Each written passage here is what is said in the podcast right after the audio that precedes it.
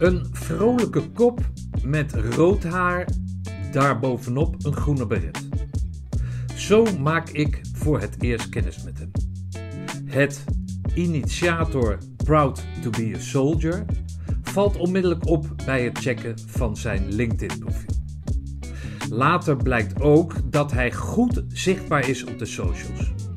Waarom doet hij dat en wat is zijn bemoeienis met de nummer 1 plaat van de Veteranen Top 50? Lichting 94.1. In deze aflevering van de Mutstas podcast het levensverhaal van commando-adjudant JP van Oostrum. Adjudant JP van Oostrum, 7109 06 005, lichting 9401.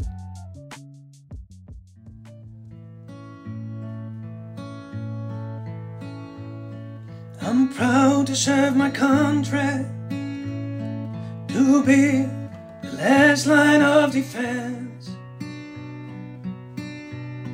to fight for what's worth fighting for, nothing more, and nothing less.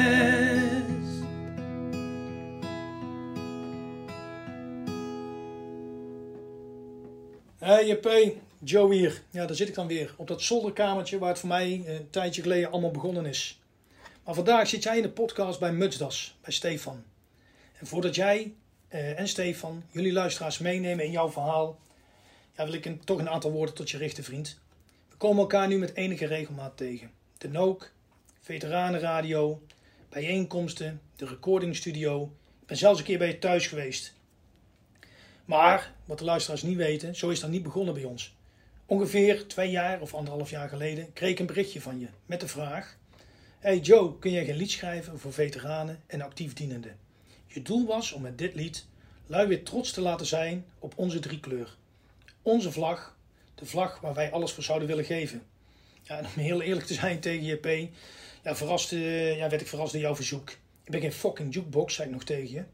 Maar het triggerde wel mijn creatieve brein. En ik herinner het me nog als de dag van gisteren. Na ongeveer drie weken stuurde, uh, ja, stuurde ik jou de eerste demo. En onze song, de song Proud to be a Soldier, was eigenlijk geboren. Wat er daarna volgde is al een fantastisch verhaal apart. Onze song kwam dat jaar meteen als nieuwkomer op de nummer 1 positie binnen in de Veteranen Top 50. Nog nooit eerder voorgekomen. Jouw idee en ik als veteraan deze song weten te vertolken. Daarna volgde voor mij ongekende reis. Optredens zoals Paradiso Amsterdam, Veteranendagen, De Nook, de Witte Anje prijsuitreiking, herdenkingen, Knak, de theatertour Groeipijn met Ray en binnenkort Lowlands en Seven Bridges Festival. Ik hoorde van Steve dat je mij alle credits gaf. Dat is veel te bescheiden, vriend. Deze song, EP, was nooit geboren zonder jouw idee en appje. Dus vanuit hier wil ik je dan ook bedanken voor je vertrouwen in mij. Het is een eer, JP, dat je mij hebt gevraagd om deze song te laten schrijven. En jouw idee van een ziel te voorzien. Bewust en onbewust heb ik veel aan je te danken. En dat zal ik nooit vergeten, vriend. Vanuit het hart. Dank je wel. En veel plezier zometeen in de podcast bij Steve. Steve, the floor or Mike is yours, mate. Joe Tennessee, out. Wat, uh, wat vind je daarvan als, uh, als, uh, als dat zo, zo zegt? Ja, kippenvel. Mooi. Ehm, dan nog steeds altijd mijn bescheidenheid. Dat ik denk van ja, Joe heeft dat allemaal gedaan. Dat is, het zijn zijn credits. Ehm, ik, ik, ben met het idee gekomen. Het is iets wat in mijn hoofd speelde. En, en, hij heeft dat op een bijzondere manier heeft hij dat vertaald. En ik, ik vind het fantastisch om, uh, om te zien zeg maar, hoe hij gegroeid is als persoon. Um, nou, als je hoort wat hij, wat hij inmiddels doet, waar hij staat. Iemand die uh, met de PTSS liep. En um, ja, wat, dat, wat dat betreft zeg maar, een fantastische combinatie die ooit een keer ontstaan is met, met een idee. En ja. hm. kort samenvattend kippenvel. Nou, mooi. Ja. Ja, dit, er is wat omgevingsgeluid van, eh, van eh, niet alleen Toeter, maar eh, jouw andere hond, of jouw, jouw hond, hè? Ferdinand heet hij? Edgar. Oh, Edgar. Nee, Ferdinand, Edgar. Nou ja, een beetje hetzelfde genre qua namen. Maar die, die, dat is een, een, een hond die jullie hebben opgevangen. Dus, vertel dat verhaal eens van, van Ferdinand. Edgar? Ehm, nee, er zit nog een klein stukje voorgeschiedenis aan vast. Maar ik, ik, ik ben eh, van de reptielen, en de slangen, de spinnen, schorpioenen. Dus ik heb wat dat betreft wel een eh, bijzondere hobby samen met mijn oudste zoon, met Jochem.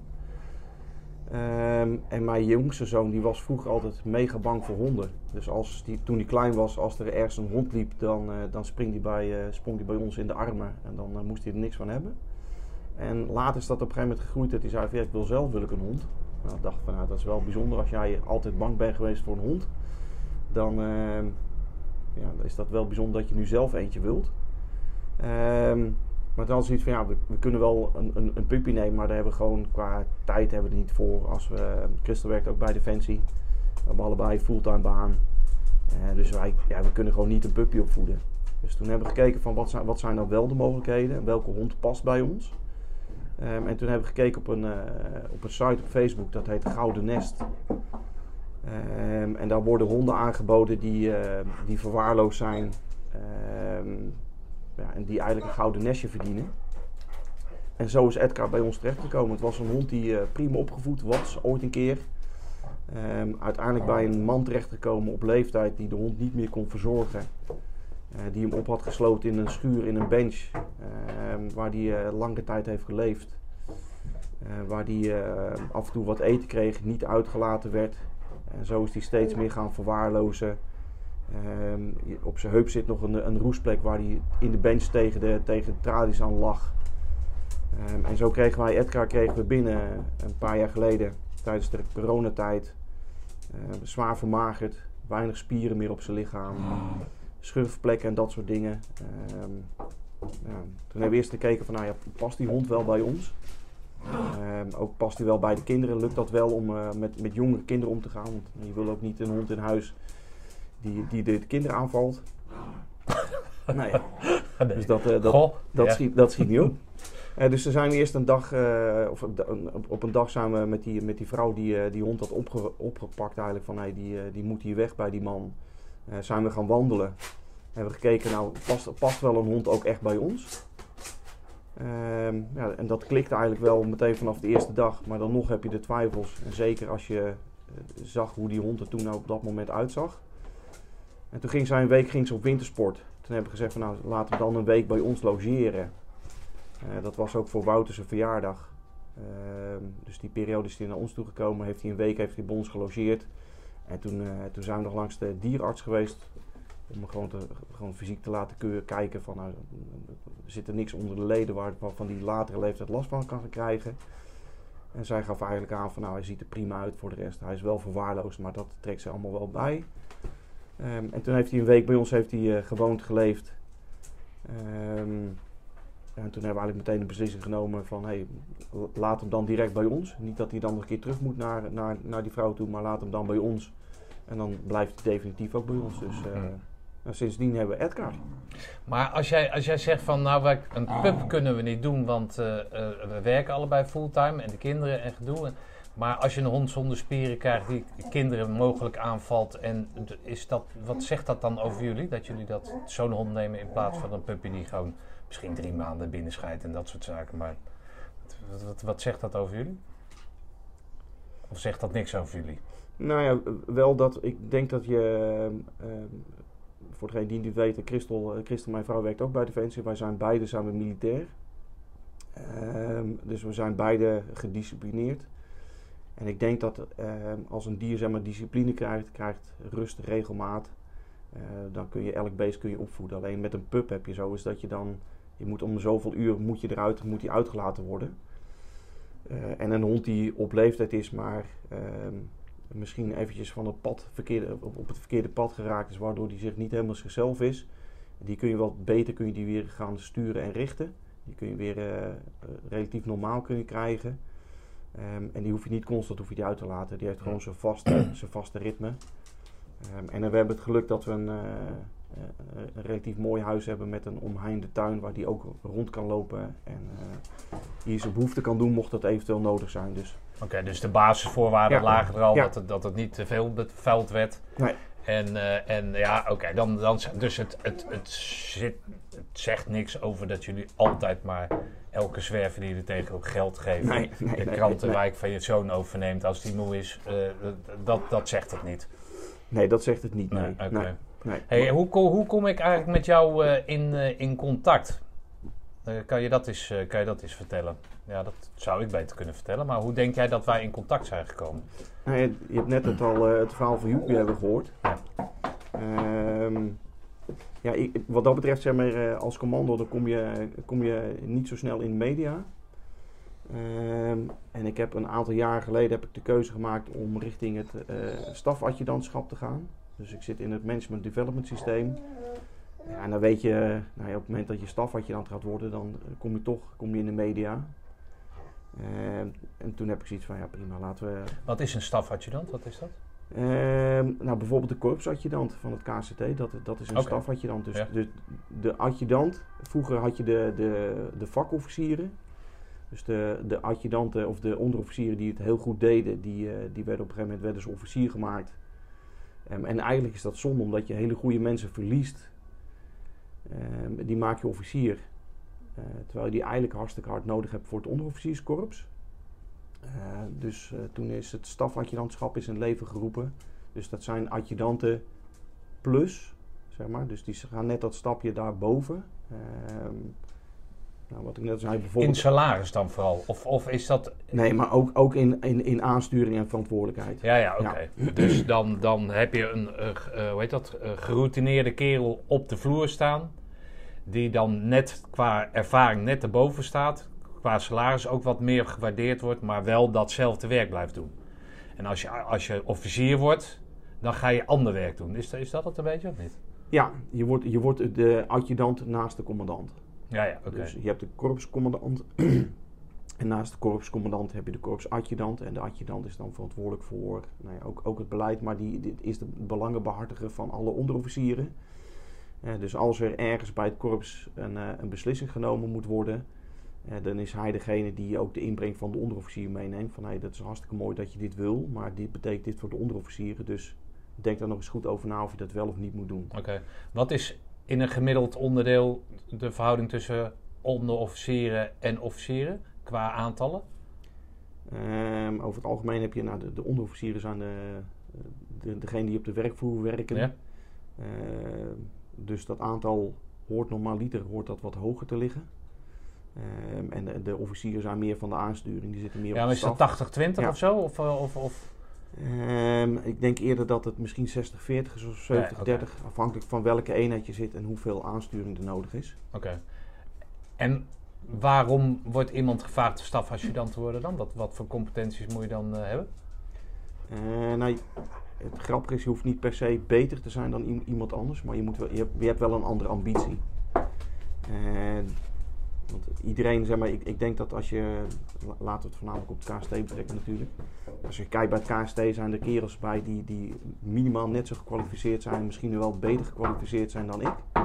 Alleen ik heb wel de ambitie om stafadjudant te worden. Eh, dus dat betekent dat je, eh, nou, nou ja, je gaat een ander traject ga je in. Je Ja. krijgt een heel assessment, krijg je een psychologisch onderzoek.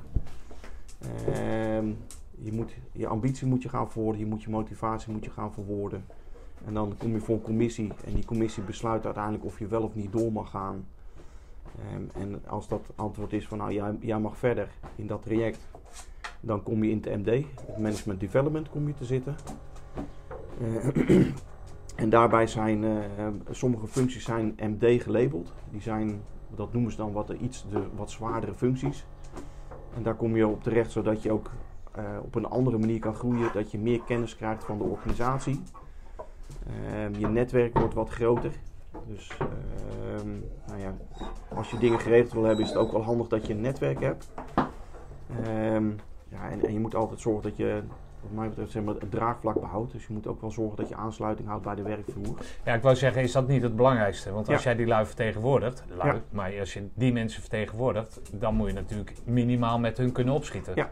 Ja, toch? Ja. Dan weet je, een eikel die gaat het dan niet redden. Ja. Dus jij besluit om dat te doen. Ja. Maar waar is dat dan ooit begonnen dan? Want, want wilde jij altijd stafadjudant worden toen je, weet ik veel, 12 was? Ik wilde zelfs helemaal geen, geen, geen, geen, geen, geen militair worden. Nee. Want? Eh, nou, mijn, mijn ouders die, eh, die hebben een aantal zaken gehad. Samen met eh, mijn vader met zijn, met zijn broers. Dus het is ooit een keer begonnen met mijn opa die een, een, een groentehandel is begonnen. En dat was nog in de oude tijd dat ze met paard en wagen rondreden. En op die manier eh, nou, bracht hij de, de, de groente en fruit bracht hij rond. Eh, Welke plaats hebben we het over?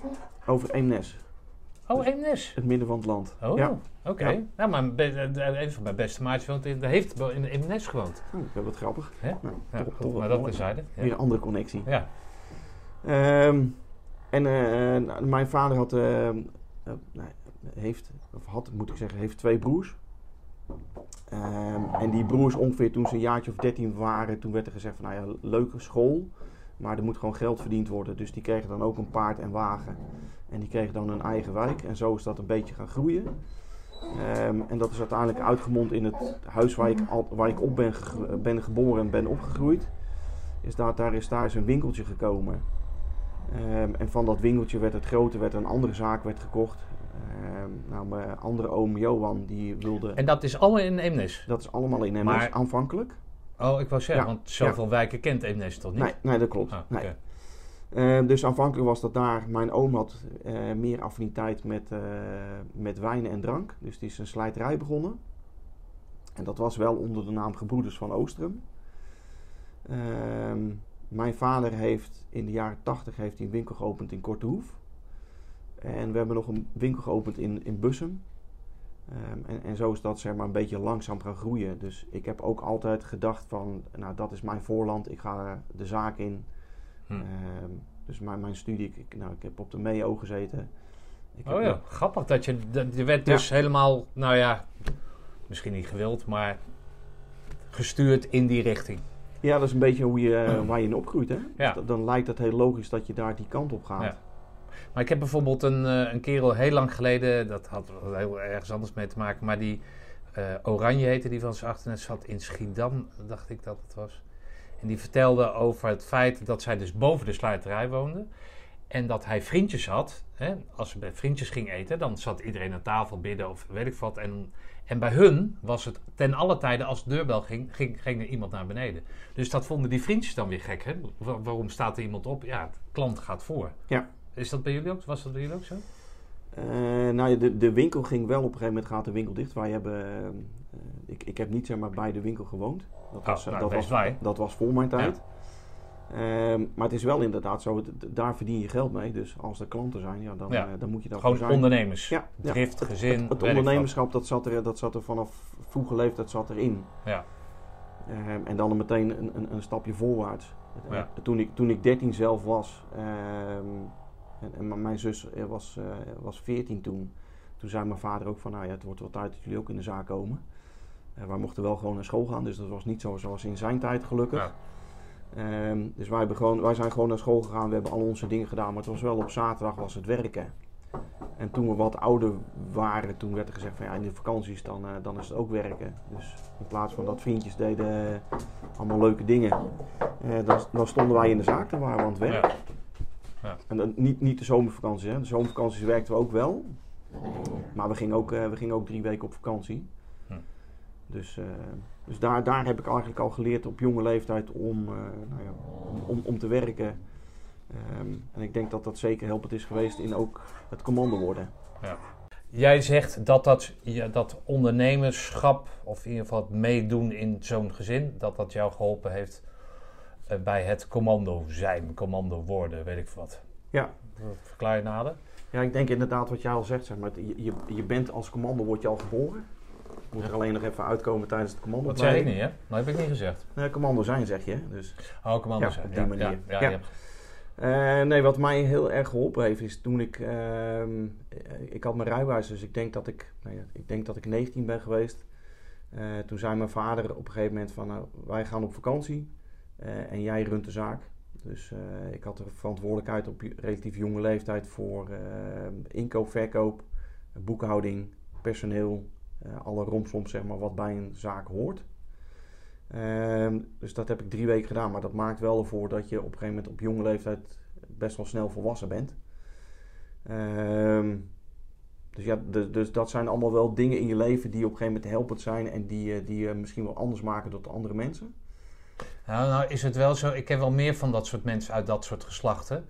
Maar dan hangt het een beetje van de handel af hoe je, hoe je hè, want je kan natuurlijk ook het zoontje van de baas zijn. Ja. Maar dat is bij een groentehandel, is het gewoon met je, met je klauwen in de, in, de, in, de, in de klei, om het zo Ja. maar te zeggen. En gewoon doen. Ja. Ja. toch? Dus dan dwing je respect af.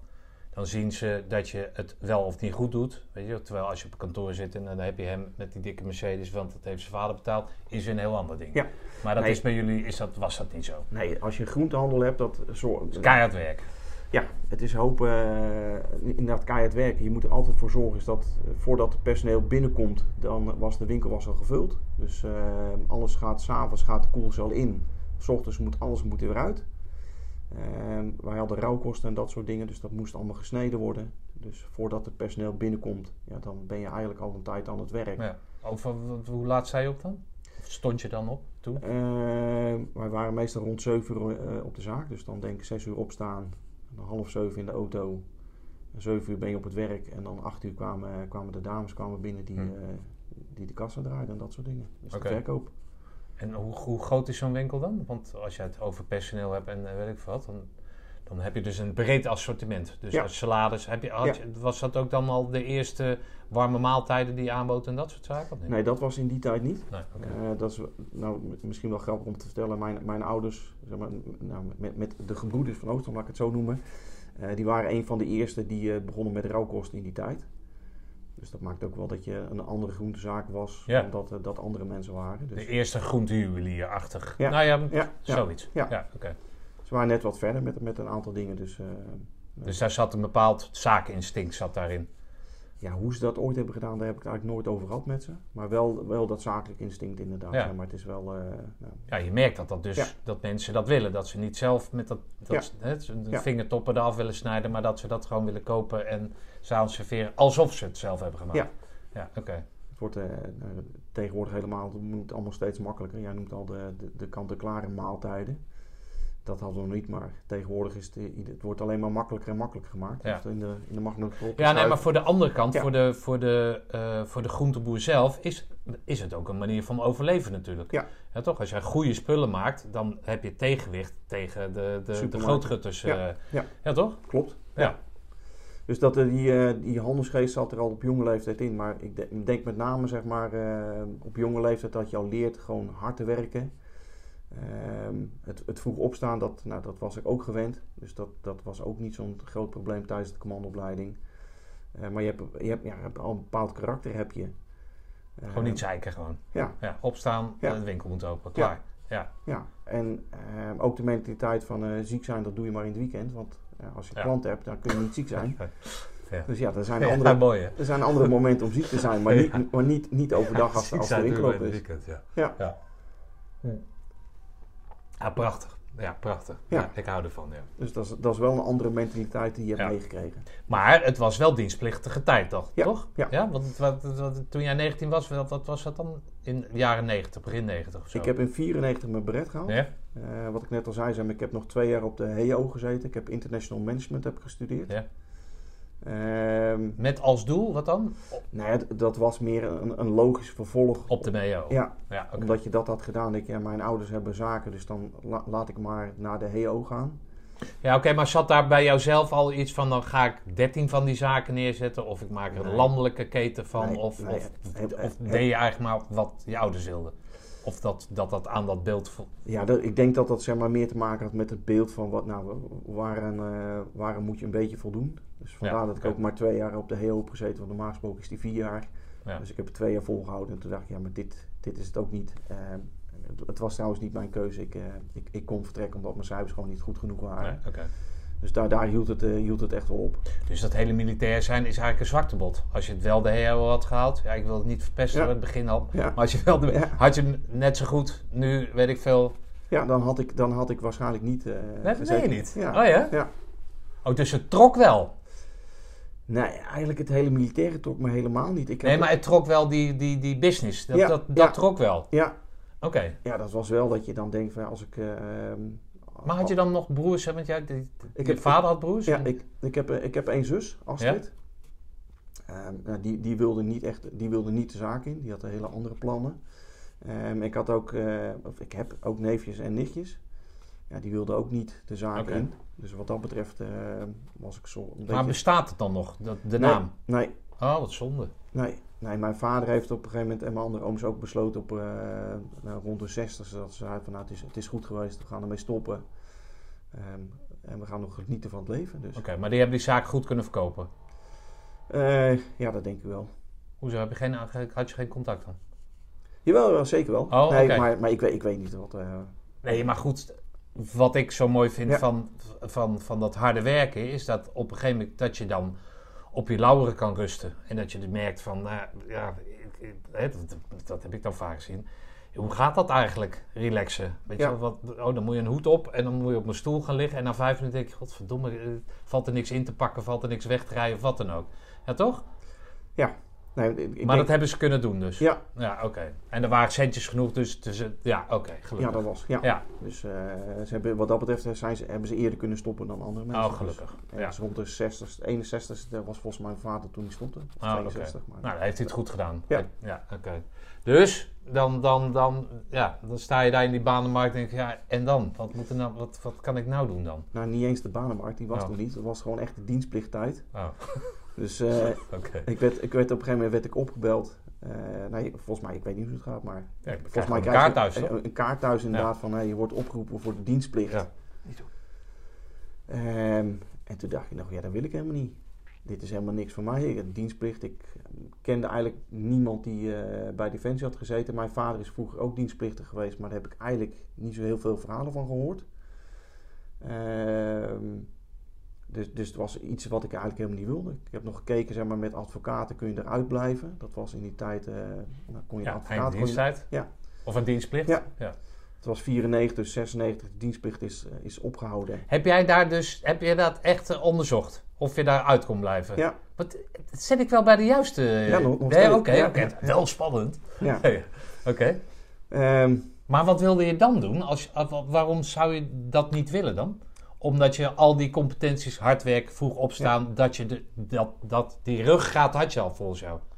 Om het leven, aan, het leven te bevechten voor de rest. Ja, het- het- ik, heb, ik, eh, ik had één vriend, Ronald, die, eh, die, heeft bij, die zat toen als dienstplichtige bij de Marchusee.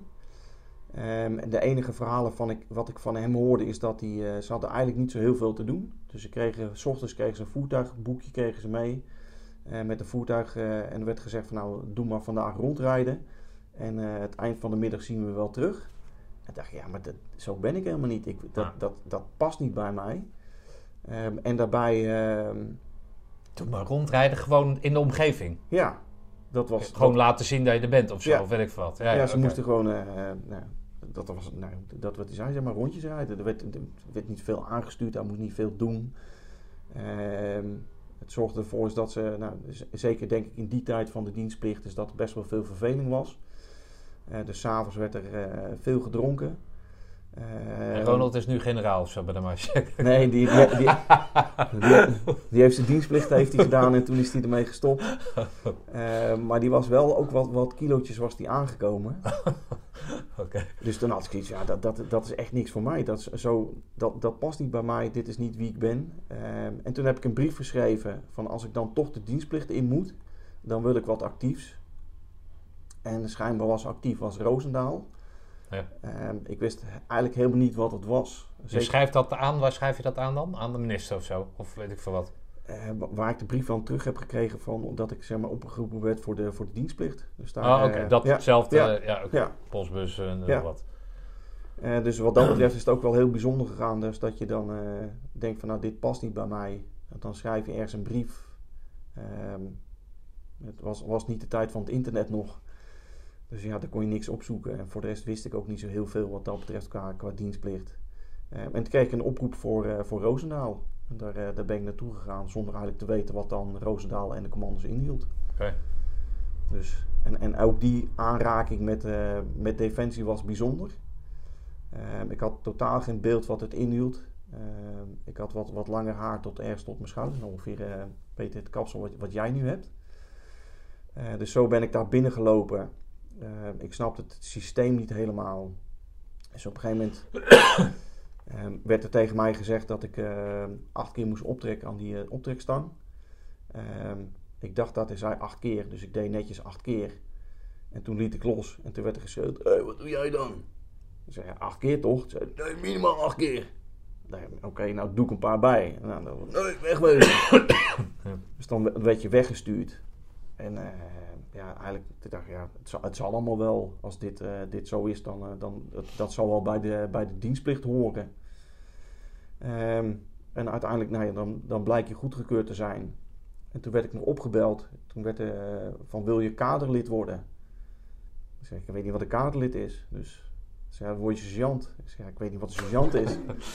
dus dat, dat is, dat is zeg maar mijn aanloop richting heel defensie toe. Um, en uiteindelijk dacht ik, ja, als ik dan toch de, de, dienstplicht in moet, laat ik dan ook maar kaderlid worden. Want ik had wel met, met die vriend Ronald had ik gebeld van, hey, wat houdt dat erin? Toen zei hij, ja, het is mooi, dat past bij jou. Dan krijg je een groepje mensen onder je en dan geef je leiding aan. Ik dacht, nou ja, leiding geven, dat, dat ken ik. Dat doe ik in de zaak ook.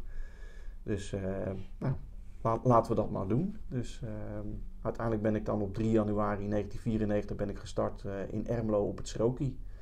School reserve onderofficieren. Oh, en toen wist je dus al dat je naar het KST ja, zou gaan? Ja, ja, okay, ja dat okay. was bekend. Ja, ja. oké. Dus wij zaten ook met een apart clubje die, uh, die allemaal richting het KST gingen. Uh, hele fanatieke twee, twee, twee sergeanten die ons opleiden. Die, uh, eentje die ook de wens had om richting het KST te gaan, maar mocht er niet naartoe omdat hij uh, een bril had. Um, ja, en die heeft ons ook echt wel geholpen. Die uh, spendeerde heel veel van zijn eigen tijd. Dus wij hadden over, overdag hadden wij onze normale lessen. Was een beroeps, was dat? Ja, dat, ja, waren, okay. dat waren twee beroeps. Okay. Ja. Uh, dus overdag hadden wij onze normale les en hij vond het superleuk om s'avonds met ons extra te trainen. Dus Okay. wij gingen s'avonds, hadden wij terreinwerk en liepen met balken en van alles.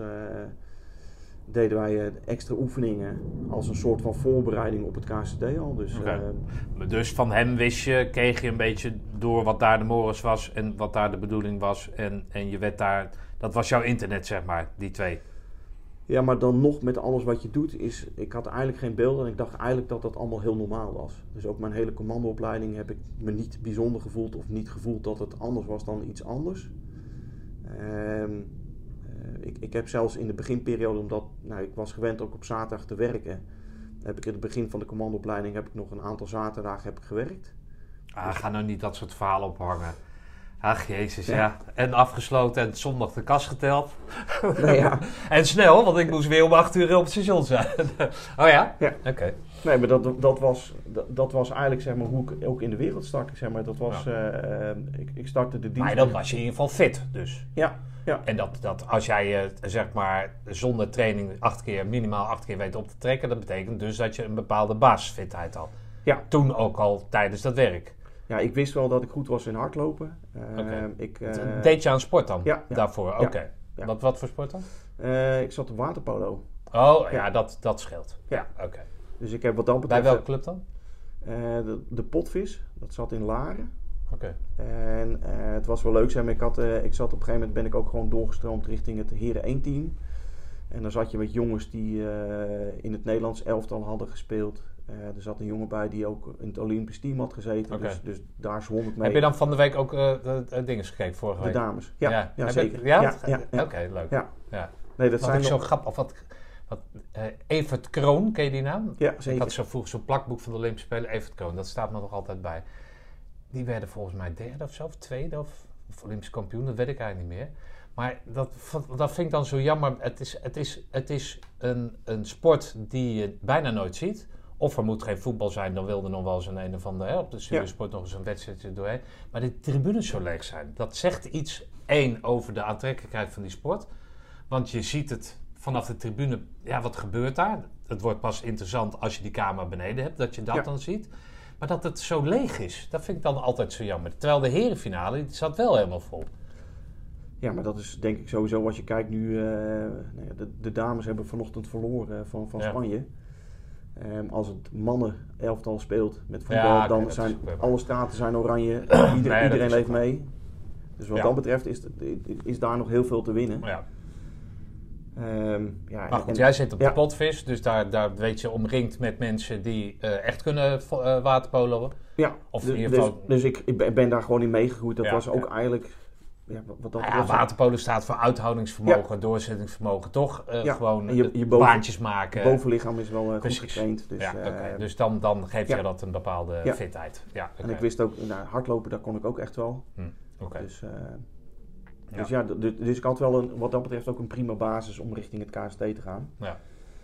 Ehm, ja, het klonk net overdreven, zeg maar, ik heb de zaterdag ook gewerkt, maar dat heb ik ook echt gedaan. Eh, op een gegeven moment zeiden, ik geloof je wel. op, een gegeven moment zeiden mijn ouders wel van, ja, mo- moet je dat wel doen? Om, ja, op een gegeven moment, naarmate de opleiding vordert, ja, dan ben je gewoon echt ben je moe. En dan vrijdagavond kom je thuis. Ehm, ja, toen zeiden ze ook, ja, is, is dat nog wel verstandig dat je op zaterdag ging werken? Dus ik ben heel blij dat ze dat, dat, ze dat hebben gezegd. Ehm, maar ook, ook de hele commandoopleiding, ik heb het echt wel zwaar gehad, maar ik, ik heb het ook gewoon als ook een hele leuke tijd ervaren. Dus wat dat betreft eh, heb ik ook echt wel genoten tijdens de opleiding. Ja, Dus- oké. Ja. Ja, nou ja, goed, dan is het toch goed dat, je, dat jij dan beroeps bent geworden. Ja, voor hetzelfde dat als je zoiets van, ja, wat moet, wat moet, ik anders? Nou ja, Zo zullen er ook vast zijn, hè, die daardoor beroeps zijn geworden. Maar het is toch fijn dat er iemand dan Ja. beroeps wordt omdat hij het gewoon leuk vindt? ja, maar daar zit ook nog wel een verhaaltje aan vast. Nou, graag. Daar Ik, zijn we eh, hier voor. Ja, precies. Ehm, ik had wel zoiets van, het, het, het is dienstplichttijd. Dus ik heb echt een superleuke tijd gehad. Eh, ik heb het mega naar mijn zin gehad. Ehm, echt, denk zeg maar wat dat betreft, voor elke dienstplichtige de, de meest bijzondere tijd uit je hele leven. Ehm, maar ik had er niet zo- zoiets wel zoiets, het is mijn dienstplichttijd. Dus ik ga de zaak in. Ik ga geld verdienen. Hm. Eh, dus ben na mijn dienstplichttijd ben ik ermee gestopt. Eh, Gewoon afgezwaaid. ja, als ik ben, ik ben afgezwaaid Ja. als dienstplichtige. Je kon blijven. En ik had zoiets van, ja, dat, dat is niks voor mij. Ik, ondanks hoe mooi ik het vind, ehm, is mijn voorland, is gewoon, het is voorbestemd eigenlijk, is dat ik de zaken ga overnemen. Dus, dus ik ga ermee stoppen. Maar hoe vonden zij dat, ja, sorry dat ik je onderbreek, weer voor de zoveelste keer, maar eh, wat zei het korps dan? Want die zat toch net tegen, tegen die transitie aan, toch? Van, Nee, van dat is, dat, dienstplicht naar, dat is wel iets later gebeurd. Dat is Wanneer was dat dan? Eh 96 is Oh, laatste- 96. Ja, oh, oké. 96 is laatste dienstplichtige is afgezwaaid. Oh, oké. Dus, eh, dus dat was nog iets een fase later.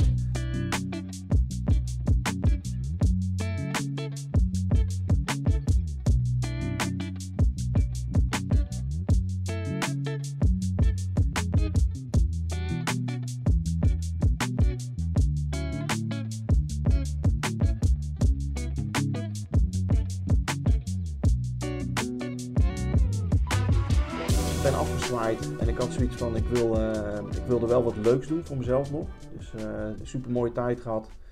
Ehm, wat ik heel leuk vond aan de HEO is dat het International Management, je moest nog een extra taal erbij kiezen. Eh, dus ik had twee jaar Spaans had ik gehad en dat vond ik eigenlijk super leuk om te doen. Dus ik ben toen nog naar Spanje gegaan. Ik ben naar, naar Salamanca gegaan en ik ben daar gaan studeren. Dat, nou, studeren klinkt heel mooi. Je hebt, ehm, dat heet dan de Universiteit van Salamanca, maar dat is gewoon eigenlijk een school waar je eh, als buitenlander terecht kan. Eh, en dan krijg je gewoon de hele dag krijg je alleen maar Spaanse les. Dus ik ben daar naartoe gegaan, ook super mooie tijd van mijn leven om, eh, om daar te studeren. Ehm, en en ja, gewoon een keer op, je, op jezelf te wonen in, een- in een grote stad, dingen te ontdekken, het, Hm. het echte studentenleven weer op te pakken. Ehm, dus ja, fantastische tijd. En daar heb ik een paar maanden heb gezeten. Toen ben ik teruggegaan. En toen ben ik eigenlijk de zaken... eh, ik zit vlakbij, eh vlakbij Geelserij. Oh, dus. ja, ja, dat zijn we langs gaan. Ja, de trein. dus de, de F-16 komt voorbij. De F-35. Ik weet niet wat het is. Ehm, en toen ben ik teruggegaan. Ben ik bij mijn ouders ben ik de zaak ingerold. En toen hadden we gewerkt. En ik eh, kwam... Dat eh, was nog allemaal in Eemnes, Bussum en in Korthoef. Laren. Of Korthoef, ja. Ja. Ehm, is in Korthoef van mijn vader. Ik, ik, eh, ik ben in, eh weet ik veel, 12 of zo, ben ik in Zeist gaan wonen. Maar dat kwam omdat daar een vrije school zat. En wij kwamen uit Den Haag en mijn vader had geen rijbewijs. Dus die ging zo dicht mogelijk bij zijn werk wonen. Wat hij met openbaar vervoer kon. eh, En die man was eindeloos onderweg. Maar dat was in Korthoef. In het gemeentehuis van Korthoef. Dus ik weet hoe Korthoef... Hoe kan je daar nou een zaak beginnen? Want dan moet je een breed eh, verzorgingsgebied hebben dan. Want Korthoef, dat is een paar honderd inwoners toen de tijd, toch? Nou, er, zat, er wonen wel wat meer. Maar je had Korthoef, Ankeveen. eh, Ja, maar dus, dan heb je gewoon ja, een heel ja. gebied wat, je, Ja. wat naar je toe moet komen. Ja. Ja, oké. Want daar zat dan voor de rest niks dan. ja, er, er zat al een groentezaak. Alleen die, eh, die man die er zat, die, die was failliet gegaan. Dus mijn Oh, ouders hebben die zaak over kunnen nemen. Oh, oké. Ja. Ja, Ja. Dus niet in, een, manier. in, in, Nee. een, in het plaatsje kort op twee groentezaken naast elkaar. Nee. Nee, oké, gelukkig. nee, daar is echt wel de gemeentes te klein voor. Maar, Ja. zeg maar om, om, voor één zaak is dat ruim voldoende om, Ja. om ik voldoende afkomzet te hebben. Dus. Oké. Ja. Eh, dus ik ben teruggegaan eh, de zaak in. Ik ben daar volledig gaan werken. Dus dan werk je zes dagen in de week. Ehm, en op een gegeven moment kwam ik thuis. En toen stond de tv stond aan. En er was een reportage over het KCT. En daar hoorde ik de stemmen van mijn oude instructeurs. En wat daar gebeurde, gebeurde er. Maar in ieder geval eh, ging het knopje ging om. En ik dacht van ik moet terug. Ik, eh, ik moet terug naar het KCT. Ehm, Maar had je het dan niet naar je zin in dat zakending? ik had het zeker naar mijn zin. Ook daar voelde ik me prima thuis. Alleen, ehm, ja, ik vind het heel moeilijk te duiden wat daar dan precies gebeurd is. Maar in ieder geval, ik, ik kreeg nou ja, de rilling over je rug. Je hoort de, de stemmen van je instructeurs. En ik had echt het gevoel van, eh, ik, ik, moet, moet, ik moet terug naar het KST. Daar hoor ik, daar hoor ik thuis. dus Kijk, ik hoorde de stem. ja, Ja, Oké. Ja. Ja. alleen dan krijg je wel dat je denkt van ja, maar ik ben ehm, nou, de enige die een beetje de zaken kan overnemen. Dus ja, hoe ga ik dat dan tegen mijn ouders vertellen? Ja. Dus daar heb ik wat nachten van wakker gelegen. Dat je denkt van ja, maar, ja, ik, ik, ik, maar ik moet gewoon terug. Dus uiteindelijk eh, is het dan, eh, was het toch relatief simpel. Zeg je tegen je ouders van eh, ik, ik wil terug richting het KST. En toen zei mijn vader, ja hartstikke mooi, moet je doen. Oh. Dus dat was ook nog wel, wat dat betreft wel, wel bijzonder. En toen heb ik contact gezocht. En dan krijg je zo'n... Maar jouw vader ziet jou dus als, hè, want die neefjes en nichtjes, ja, was al duidelijk van Ja. dat. En je zus wilde dus niet. Ja. Dus jij was echt de, de, de, de kroonprins van, het- van het gebeuren. Ja, voor mijn gevoel wel. Ja, nee, oké, maar voor, voor hun dan ook. En dan is het toch heel sportief van je vader. Zeker. Hè? Ja. Nee, wat dat betreft heeft hij me alles gegund. En die waren ook super trots dat ik, eh, dat ik mijn beret had gehaald. Ja. Ehm, die wist ook wel, to- toen had ik nog niet zo door dat het, dat het echt bijzonder was. Maar zij had dat wel meer door dan ik. Dus wat dat betreft heeft hij, eh, hebben ze me alles gegund. Dus, Hm. eh, Oh, mooi. Dat, nou, Ja. wel, dat zegt Ja. wel wat over hun natuurlijk. Ja, zeker. Ja. Ja. Eh, dus ik heb contact gezocht met KST, met Jelle Schepers in die tijd. Gesprek gehad. En toen kon ik terugkomen. Dus in, uiteindelijk is dat begin 97 geweest. Ben ik weer teruggegaan. Oké. En dat was dan de 105 of zo? Of nee, bij de 104. Oh, bij de Ja. 104. Ja. Oké.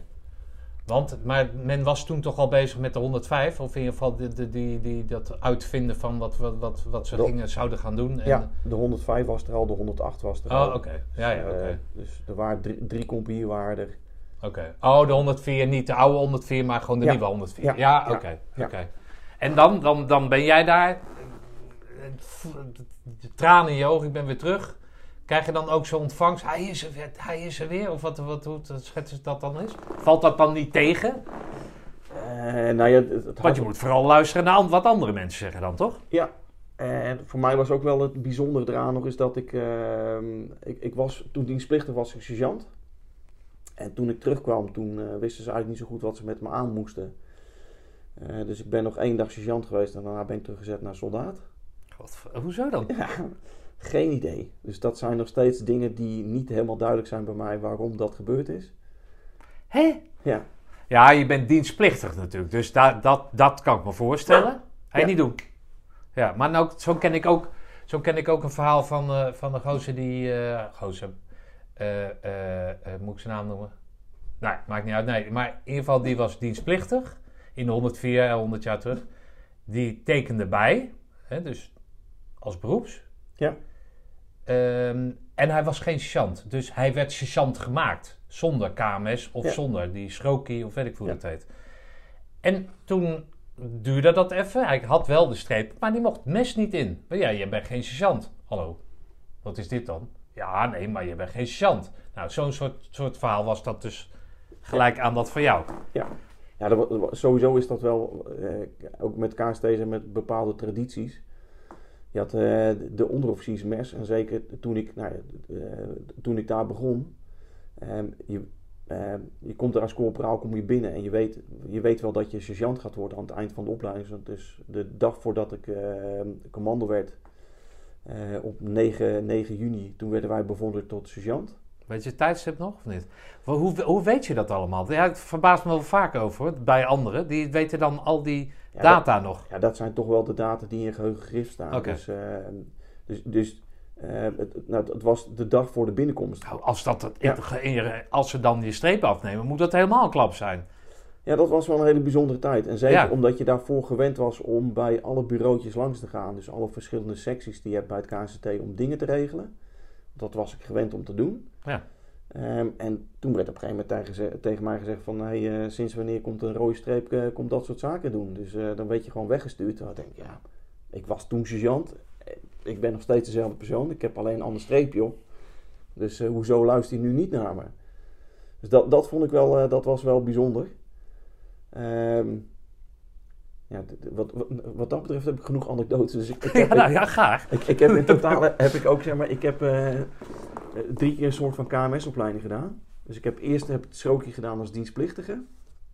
Eh, Maar voor de duidelijkheid, staat niet gelijk, gelijk aan KMS, toch? nee, Nee, oké. nee het, strookje is echt, het, het is een, een, een, eh, nou, een, een dienstplichtige opleiding om Ja. onderofficier te worden. Dus, Ja. ehm, Nee, maar ook qua Ja. intensiteit en qua, qua vak kan ik me zo voorstellen dat je dat onmogelijk in twee maanden kan proppen. Nee, dat lukt ook niet. Maar als je dan naar het KST ging, dan kreeg je ook nog een kaderopleiding. Dus voordat Ah, zeg maar, de, de rest van de, eh, nou, de manschappen binnenkwamen, dan weet je bij het KST weet je ook nog eens een keer als onderofficier weet je nog wat verder geholpen. Zodat je ook daadwerkelijk goed leiding kon geven. Dan weet je het ook nog even wat fysiek nog wat meer geprikkeld. Ehm, en, en dan kwamen de, de rest van de dienstplichtigen kwamen binnen, waarbij jij, eh, nou, waar je de leiding over had en waar je de les aan moest geven. Ja, oké. Dus er zat wel wat meer aan. Ehm, maar goed, in ieder geval, ehm Schrookje heb ik gedaan. Toen had je in die tijd had je nog de INI 8. Dus dan was een achtweekse KMS-opleiding. Ehm, en die was eigenlijk ervoor bedoeld. eh, als commando deed toch wat, nou, de- wat meer werk dan de, de gemiddelde militair. Zo werd het altijd gezien. Dus, ehm, en dat kon niet beloond worden met, met, met premies zoals ze nu zijn. Dus wat ze toen in die tijd deden, is dat je dan, eh, dan mocht je naar de KMS doen, dan werd je sergeant. En zo op die manier werd je eigenlijk beloond voor hetgeen wat je deed. Eh, dus toen heb ik de INI 8 heb ik nog een keer gedaan. Daar staat de INI 8 voor dan? Een achtweekse KMS-opleiding. Oh, oké, ja. Dus de, Ja. de 8 zit, zit erin in, in de, acht, op de acht weken dat het duurde. Oh, in achter, ja. Ja. Dus, eh, Oké. dus die, die heb ik gedaan. En ehm, op een gegeven moment wilde ik beroeps worden. Toen was ik al, inmiddels was ik sergeant 1. En toen moest ik nog de KMS gaan doen. Dus toen stond ik met een sergeant je wilde beroeps worden, je was toch al beroeps? Nee, dat was, dat was zeg maar de BBT. Oh, beroeps bepaalde tijd. Ja. Zeg maar het KVV van vroeger. Ja, ik wilde van beroepsbepaalde tijd wil ik naar beroeps Ah, oké. onbepaalde tijd. En de bepaalde tijd was voor hoeveel jaar was dat? Eh, daar had je elke keer een contract van eh, drie of vier jaar. Oké, maar ging precies. jij dat in... Want je kon ook eh, onbepaalde tijd worden, toch? Of moest je altijd eerst bepaalde tijd? Dat weet ik niet precies, maar ik denk, ik denk dat ik gewoon dat het heel logisch was dat ik begon als beroepsbepaalde tijd. Ja, oké, maar ook voor jezelf. Dus dat je dacht van, nou, als het Ja. alsnog niet Nee, voldoet, dan kan ik altijd nog terug. Pa, nee, wil je die, me alsjeblieft die, die terugnemen? twijfel heb ik nooit gehad, Oh, denk ik. oké. Maar het was gewoon eh, ja, ja, de communicatie zoals, zoals Ah, nu was en internet was ook gewoon was en niet. Dus. Dat was gewoon voor mij logisch. Ik, eh, hetzelfde wat, ik- wat ik net zei. zeg maar, ik, ik had verwacht dat ik terugkwam als sergeant. En ik werd soldaat. En als je dan zei van nou, ik was sergeant, dan, eh, nou, dan kreeg je gewoon horen van hey, je bent nu soldaat. En, eh, Ja, je hebt voor, getekend. voor de rest voor de rest niet, dit is de sleutel, je kan er toch Ja. niet meer uit. Ja, Dus, eh, Wie wilde nou groenteboer worden? Ja, blijf gewoon lekker hier. Ehm, en, en toen wilde, nou, uiteindelijk wilde ik beroepsonbepaalde tijd wilde ik worden. Dus toen, eh, toen, toen moest ik weer naar de KMS. En dan, dan, dan, dan sta je met je sergeant 1 voorkomen, sta je je kast in te pakken. En ik weet nog heel goed, er stond een jongen stond naast me. En die stond met hele grote ogen stond hij me aan te kijken. Ehm Stikkelbroek was zijn naam. Hoe? Stikkelbroek. Stikkelbroek. Ja, super, superleuke vent, echt Ja. fanatiek. eh, leuke vent om mee te draaien. Eh, maar die, die stond echt naast me kijk, te kijken en die zei... eh, sergeant, wat, doet u? Toen zei ik nou, zeg maar gewoon JP, want ik zit met jou in de klas zo meteen. Dus wij gaan samen de KMS-opleiding in. Ja, die, die, snapte er, die snapte er helemaal niks van. En dat was natuurlijk wat, het was ook lastig, ook voor die kaderleden, om, Ja. om mij in de klas te hebben. Want je hebt iemand die sergeant 1 is en die hebt dan iemand in de klas die sergeant ook 1 is. Ehm, Maar moest jij dat volledige traject dan doen? Nee, wat, ik heb daar heel veel geluk in gehad. Ah. Ehm, ik ben in de beginperiode hebben ze mij een beetje getest. Normaal gesproken start je op de KMS en dan heb je, ehm, eh, heb je wel groepscommandanten of groeps, ja, groepscommandanten. Dan, eh, ehm, iemand is dan groepscommandant, ik zal het wat beter uitleggen. En die is dan verantwoordelijk voor de, voor de taken voor die groep. En normaal gesproken pas een maand later of iets dergelijks, dan starten ze op met een pelotons commandant. En die is dan als leerling is verantwoordelijk voor het hele peloton, zodat je ook leert in eh, gewoon de structuur, wat, wat moet je doen. Eh, maar ik ben eigenlijk vanaf dag 1 hebben ze mij de uh, pelotonscommandant gemaakt. Ehm, ik kreeg wat, wat opdrachten die eh, in hun ogen misschien, waarvan ze dachten die zijn eh, in ieder geval lastig te, te, te halen. Dus ik werd bijvoorbeeld om, eh, smiddags om half vijf werd ik bij de, eh, de, de PC geroepen, bij de pelotonscommandant. En werd er gezegd, eh, het transport hebben we morgenochtend eerder nodig. Dus in plaats van om 8 uur moet het om half acht klaarstaan. Nou, die mannen van transport die zijn dan al lang naar huis. Ik dacht, ja, prima, dat regel ik wel. Ik zorg gewoon dat ik morgenochtend eh, heel vroeg daar sta. En dan ga ik bij die mannen ga ik gewoon kletsen. En dan zorg ik dat die, eh, dat transport daar staat. Dus ik had dat om half acht stond, alles stond klaar. En zo, dat heeft hij ook weer gefixt. Ehm, Maar even voor de duidelijkheid, of voor mijn duidelijkheid, die stikkelbroek, Ja. dat, ik weet niet wat zijn achtergrond, maar dat had dus ook gewoon een, een burger kunnen zijn, of een spijkerbroek kunnen zijn. dat was een spijkerbroek. oh, het was een Ja, spijkerbroek. Ja, dat was een dus die, die wist van toeten nog blazen, die Ja. denkt van dienst is leuk, en die komt naast zijn sergeant 1. eh, Ja. En, en die, die weet zeg maar de rangen wist hij. Dus hij, wist de chanten. Dat, daar Maar voor de rest van. een, beetje hetzelfde als jij. Ja, Van wat, compleet- wat is dat dan? En, eh, compleet bleu in de opleiding. Ja, en, eh, en dan staat Ja, er dat, dat, dat is wel gek. Maar goed. Ja. ja. Maar, maar zo werd ik op vele manieren werd ik getest. En uit, nou ik, we hadden op een gegeven moment op, op bivak. eh, dan moest ik eh, de les lichtsleuf moest ik dan geven. Eh, dus ik had zeg maar die, eh, die les had ik verzorgd en iedereen was dan bezig met de lichtsleuf te graven. Ehm, en ik was dat aan het controleren en zorgen dat alles goed kwam. Maar ja, ik was ook die pelotonscommandant, dus ik had, zelf had ik geen lichtsleuf. Dus ik ben s'nachts ben ik mijn bed uitgegaan. Ik heb, eh, ik heb ook een lichtsleuf gegraven. Dus ochtends toen, toen het alarm kwam, ja, toen, toen lag ik in mijn lichtsleuf. En die instructeurs dachten, en die, zeiden, die kwamen naar me toe en zeiden, wanneer heb je dit nou gedaan? ik zei, nou, vannacht toen we klaar waren, toen ben ik eerst ben ik die lichtsleuf gaan graven. Want ik ben ook de groepscommandant, dus ik, moet ook, ik, ik ben verantwoordelijk voor die groep. Voor het peloton bedoel ik, zeg maar. Dus, eh, dus ik heb ook een lichtsleuf nodig, dus die heb ik vannacht heb ik die nog gegraven. Ja, dan stonden hun weer met een oren te klapperen. Dachten, ja, op een gegeven moment dachten ze, wat moeten we met die vent? Ja. Want ik liep eigenlijk altijd wel op ze voor. Dus ook met, we hadden sportles gehad. Eh, dan zorgde ik dat ik binnen een minuut onder de douche had gestaan. Ik had me omgekleed en dan stond ik weer bij hun op bureau. Dus zij deden mee met sportles, stonden nog uit te hijgen op kantoor. En dan stond ik alweer in mijn pak, stond ik klaar. En dan vroeg ik, nou, wat is de vervolgopdracht? dus ik, ik Maar Ja. daar dwong jij dus een verkorting van die KMS mee af, of wat?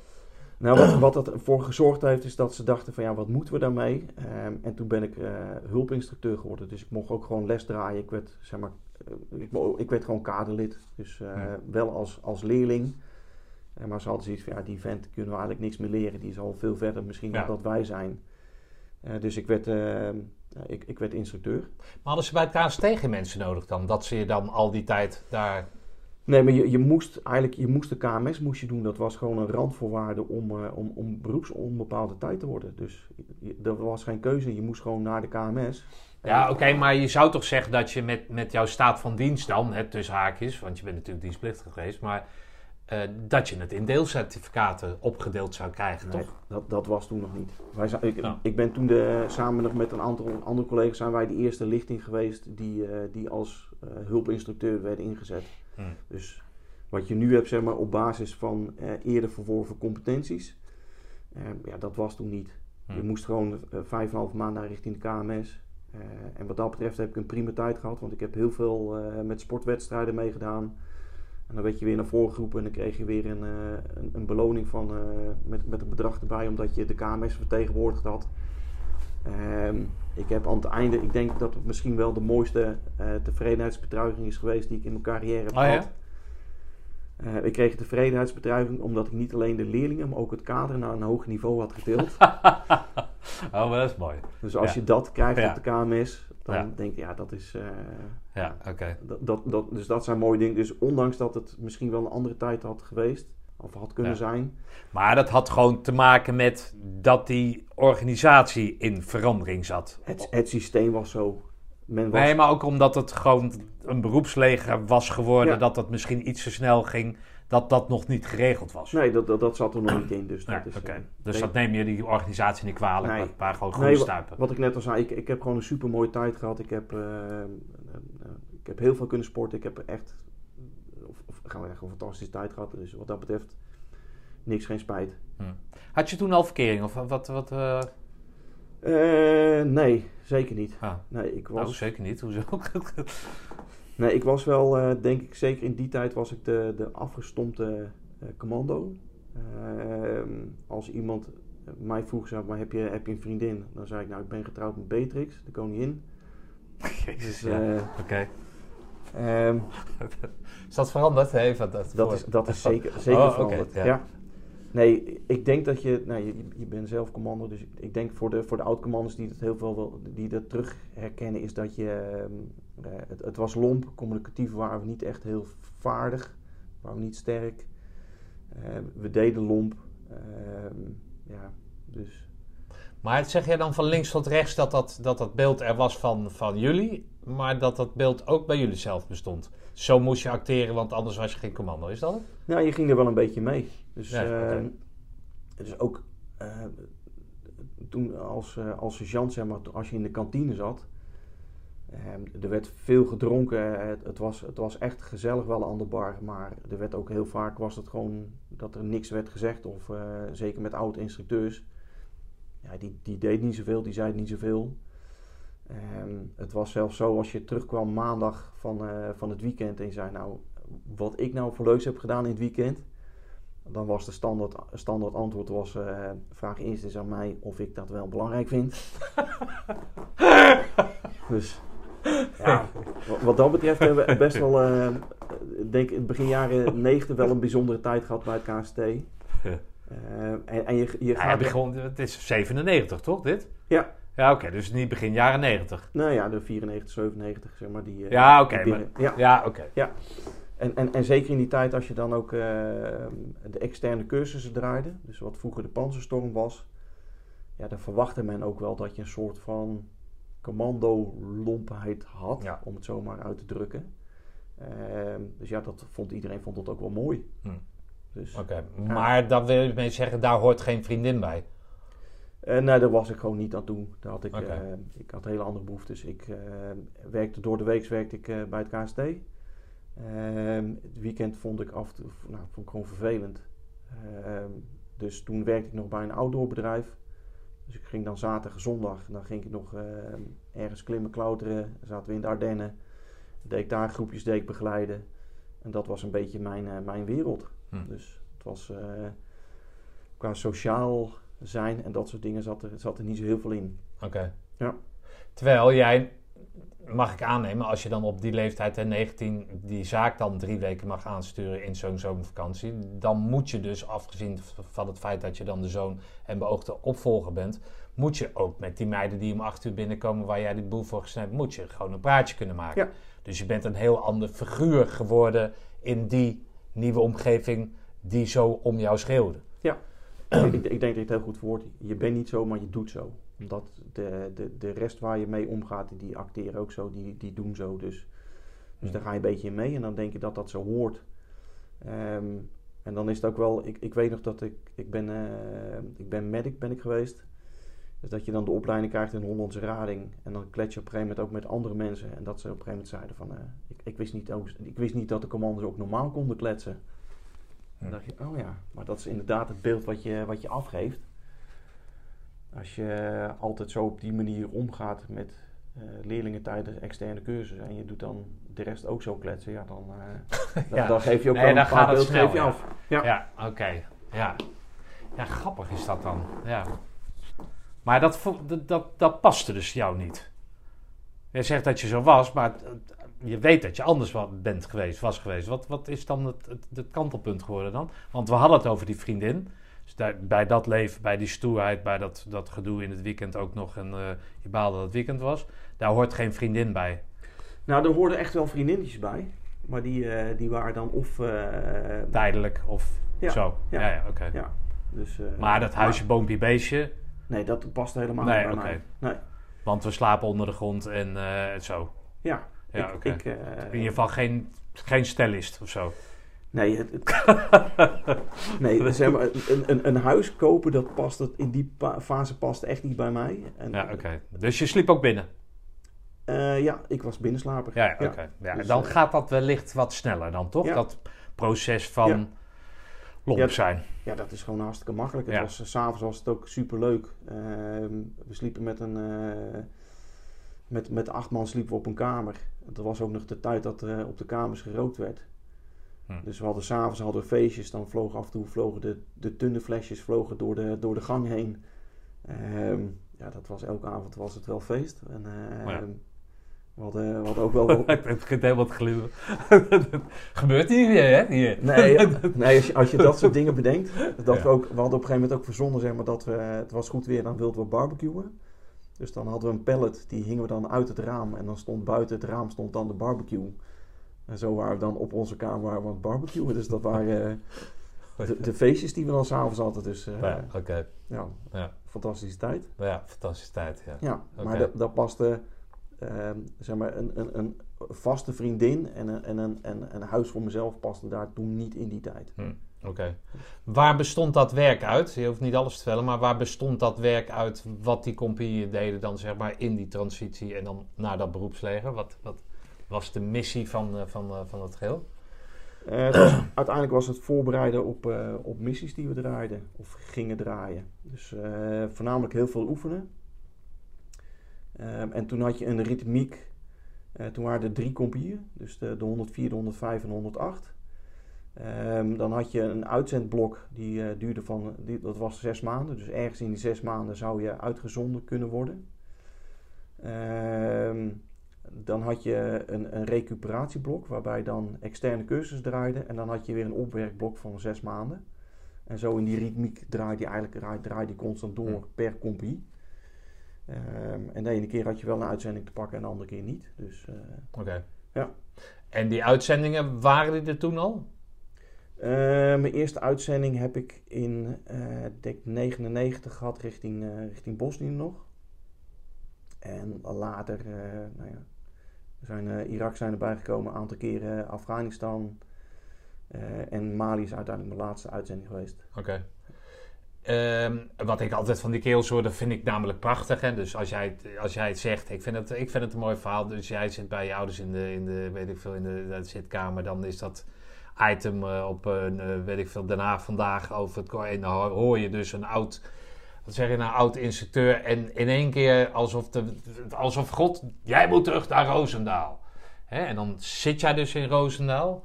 Eh, en dan hoor ik dus altijd van die keer dat oefenen is leuk, maar waar je het voor doet is gewoon op missie gaan. Ja, ja. Dat, dat, dat, dat leef jij dus ook. Ja, Oké. ja dat, dat is wel het mooie, zeg maar. Dat is wel eh, waarvoor je doet. Eh, met, met de mate op, op, op pad gaan, eh, je missies draaien, je weet waar, waarvoor je doet. Dus je hebt ook een hele duidelijke missie waarom, eh, waarom je daar bent. Eh, het is ook een afgebakende periode waarbij je eh, misschien wel nog intensiever dan dat je op de kazerne al bij elkaar zit, met elkaar leeft. Eh, je beleeft mooie dingen. Eh, dus ja, wat dat betreft, ik kijk op elke uitzending kijk ik terug met super veel plezier. Ja. En, eh, Maar doe je dat dan omdat je dus dan, als de vraag aan jou gesteld, heb je een vriendin? Ik heb geen vriendin, ik ben getrouwd met Beatrix. Doe je het daarvoor? Doe je het voor vrede? Doe je het voor God en vaderland? Nee, hoe noem je dat ook? Voor vlag en vaderland? Of zit daar iets anders achter? Wat, waar, waarom, of is het puur en alleen avontuur? Meerdeel is puur avontuur. ja, ik denk dat het voor mij ook wel geldt, zeg maar. Ja. Het is, het is avontuur, het is ook eh, je- jezelf een Maar stuk... vrede en veiligheid, dat moet daar, als je het een beetje verantwoord antwoord wil geven, moet dat toch ook bij zitten of niet? Ehm, ja, dat, dat zit er uiteraard zit dat erbij. Ehm, en ik denk dat ik pas op latere leeftijd ben gaan realiseren is dat hoe mooi die uitzendingen ook zijn, is dat het af en toe ook heel lastig is om daar een bepaald, effect te krijgen. Ehm, ik, ik, zal proberen te duiden met de laatste missie die we hebben gedraaid in, uh, in Mali. Uh, dat is een VN-missie en de VN heeft een, een echt een langere termijn idee van waar ze met de land naartoe willen gaan. Dus er is onrust in, in, in die, eh, die omgeving. Ehm, en zij denken dan, nou, over 20 jaar willen we zeg maar, die regio willen weer stabiel hebben. Nou, dat is hartstikke mooi. Dat is zeg maar, een, echt een langere termijnvisie die ze daarin hebben. En dan Nederland committeert zich aan die missie voor een aantal jaar. Dus, en, nou, dus, dus die hebben al van die 20 jaar, pakken zij maar 5 jaar of nou, afhankelijk van hoe lang ze zeg maar, daarop inschrijven. Um, en dan ga je met je eenheid ga je dan voor 4,5 maand ga je die kant op. En dan hebben wij soms het idee is dat wij in die 4,5 maand het willen bereiken wat, wat de VN zeg maar, in 20 jaar wil bereiken. Dus je wil heel graag wil je resultaten zien. Maar je bent maar een super klein raletje van dat grote geheel. Um, en, en uiteraard bereik je daar iets. Alleen dat is echt maar dat is, nou, het eerste stapje voorwaarts wat je, wat je doet. En zo doen we allemaal als militair. Doe je een klein stapje, doe je voorwaarts. En zo probeer je dat land probeer je beter te maken of die, die omgeving. Ehm, maar ja, dat is wel in een lange termijnvisie. Hm. Ehm, en, en zeker die periode toen Mali, nou, dat wat ik net zei, dat was mijn laatste missie. Uh, dan weet je ook voor jezelf, ja, ik, ik, moet ook buiten dat ik iets doe voor vrede en veiligheid, ehm, moet ik ook voor mezelf moet ik wel een doel hebben. Uh, en Mali spreken ze Frans. Nou, wat ik net al zei, ik heb in Spanje gewoond, dus ik ben de Spaanse taal ben ik goed machtig. Frans, dat heb, is echt vervaagd bij mij. Toen dacht ik, nou, hoe mooi zou het zijn als ik daar naartoe ga. Ik heb ook een persoonlijk doel. Um, als ik aan het eind van de missie nou eens een keer zeg maar, wat, wat briefjes en besprekingen in het Frans zou kunnen doen. Je werkt daar heel veel met, met Franse collega's. Barkaan was de andere, de Franse missie die daar zat. Um, nou, dus, dus dat was een, een, een, persoonlijk doel die ik daar ook had. Ja, dat is hartstikke mooi als je buiten naast het normale werk wat je hebt, is dat je voor jezelf ook een doel stelt. Dus, dus, dat zou ik ook voor iedereen adviseren op het moment dat je op missie gaat. Buiten het werk wat je doet, kijk ook voor jezelf hoe kan ik mezelf ontwikkelen, uh, ook in deze periode. Um, ja, en dan, als je daar kan gaan werken en als het eindresultaat ook is, is dat je uh, collega's die aan jouw functie overnemen zitten en die op een gegeven moment je aankijken en zeggen: ik wist niet van dat van mij werd verwacht werd dat ik die briefjes hier in het Frans moest doen. ja, maar dat, dat, dat, hoeft ook niet, want ook die Franse collega's spreken prima Engels. Ja. Alleen ik, voor mij was het mijn doel om dat in het Frans te kunnen doen. Dus ja. dat was mijn Maar hoe doel. doe je dat dan? dan, dan uh, want je kan niet constant zeg maar, de stad in om, om Franse, Franse dingen op te doen, toch? Nee. Dus dat is ook gewoon boeken lezen, bandjes afluisteren, weet ik van, taalkursus. En dat dan proberen te volmaken op straat ja. of zo. Nou, het, het, voordeel voor mij was ook, door het Spaans spreken, is dat zeg maar, het, het Frans komt wel redelijk snel binnen. Ik ben redelijk okay. makkelijk met talen leren. Um, en ik had ook het geluk is dat ik um, um, van Defensie zijn we van de afkortingen. Ik, ik, ik werkte als Special Operations Planning and Liaison Element, het SOPLI. Uh, dus wij onderhielden de contacten met uh, alle andere uh, nationaliteiten die in dat gebied zaten. Okay. Ja, ja, okay. Dus ik werkte daar samen met, met Sjoerd, de kapitein. Um, en wij reden daar rond. Dus als um, het KST eens op patrouille ging, dan gingen wij bijvoorbeeld naar de Nigeriaanse collega's. En dan gingen we eruit vragen van nou, wij het eerste, eerste, eerste detachement van Nederland wat, van, de, van het KST wat daar naartoe ging. Dus wij gingen daar informatie op halen van nou wij gaan naar dat gebied. Um, welke informatie hebben jullie? Hoe is de route? Uh, zijn er specifieke dingen waar we moeten letten? Uh, en zo gingen wij al die, uh, ja, al die eenheden gingen we af. Ja. En overal hadden we contacten mee. Dat was ook onze taak. Ja, maar naast dat je onthouden. dus dan ja. langzamerhand zeg maar de taal, maar dan moet je toch ook studeren? Ja, voor mij is wat dat betreft is het heel, heel, veel luisteren. Oh, is dat zo, ja? Oh, dus dan heb je, dan heb je een talenknobbel dus. Ja, ik heb een... Ja, ja oké. Okay. Ja. Spreek je nog meer talen dan? Uh, nou ja, het, Duits, Engels... Uh... Nee, maar bijvoorbeeld zo'n Timmermans. Die Frans Timmermans. Die spreekt zeven talen vloeiend. Ja. En mm, ik heb hem niet geoefend, weet ik veel, oor. Maar zoals hij Frans praat, klinkt toch echt wel Frans. Ja. Weet je wel, het is niet zoals ik dan Engels praat of zo. Dus dat Ja. vind ik razend Maar goed, als je daarmee gezegend bent, dan is het ook een, wordt het een stuk makkelijker natuurlijk. Ja. Ik, had, ik, heb, eh, het, het was, ik, ik heb maar drie maanden in, in Spanje gestudeerd. Eh, maar het was op een gegeven moment was het zo, zeg maar, als ik dan met andere mensen kletste, met, met Spanjaarden, dan zeiden ze van... eh, Ga nou niet weer opscheppen, hè. ja, Jezus, nou, ik dat kan het eruit, ik knip het eruit, hè, want het wordt echt irritant nou. doe, maar, doe maar. ja. Oké, dus jij zegt een persoonlijk doel stellen, maar dan, eh, eh, dan weet ik van mezelf dat ik dan echt geen beeld heb van wat dat dan, een, wat zo'n uitzending, ja, je zegt dus nu dat je met z'n tweeën hè, de straat op gaat, maar ik denk dat merendeel van de mensen niet weet wat een uitzending is. Ik denk gewoon, die gaaf je in, je wacht tot de vijand komt en dan na drie maanden kijken ze een keer op je horloge of zo, maar dat is dus afhankelijk van de missie die Ja. daar gesteld wordt. Ja. Dus jullie zijn binnen de VN, wat je zegt, 25 jaar wordt dan doel gesteld. En jullie zijn een klein onderdeel om dat land langzamerhand die richting uit te douwen waarin de VN dat zou Ja. voor zich ziet. Ja, en wat dat betreft was deze missie was ook anders dan de missies in Afghanistan. Afghanistan was meer de, de, waren meer de, de vechtmissies. Ehm, en, en dit waren, dit, dit, ja, in Mali is het meer een missie waarbij ehm, ook wel iets gevochten is, maar de doelstelling was meer stabiliteit creëren door dus aanwezig te zijn. Hm. Ehm, zorgen dat, dat het land stabiel blijft en dat er weer tijd is en, en ruimte is om, eh, om het land op te bouwen.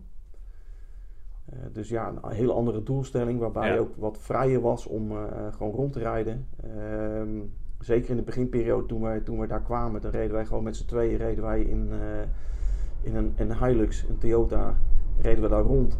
En ehm, ja, Als burger. Nee, al- wel, als Oh, wel als militair, maar wel ja. in een, in een burgerauto. Dat was ons vervoermiddel. En zo Ja, reden, wij, reden wij door de, door de stad heen. En wij reden overal reden wij rond en we gingen overal naartoe. Hm. En dat was volkomen veilig. En, en later kwamen pas eh, de ID's, dus de, de, de bermbommen.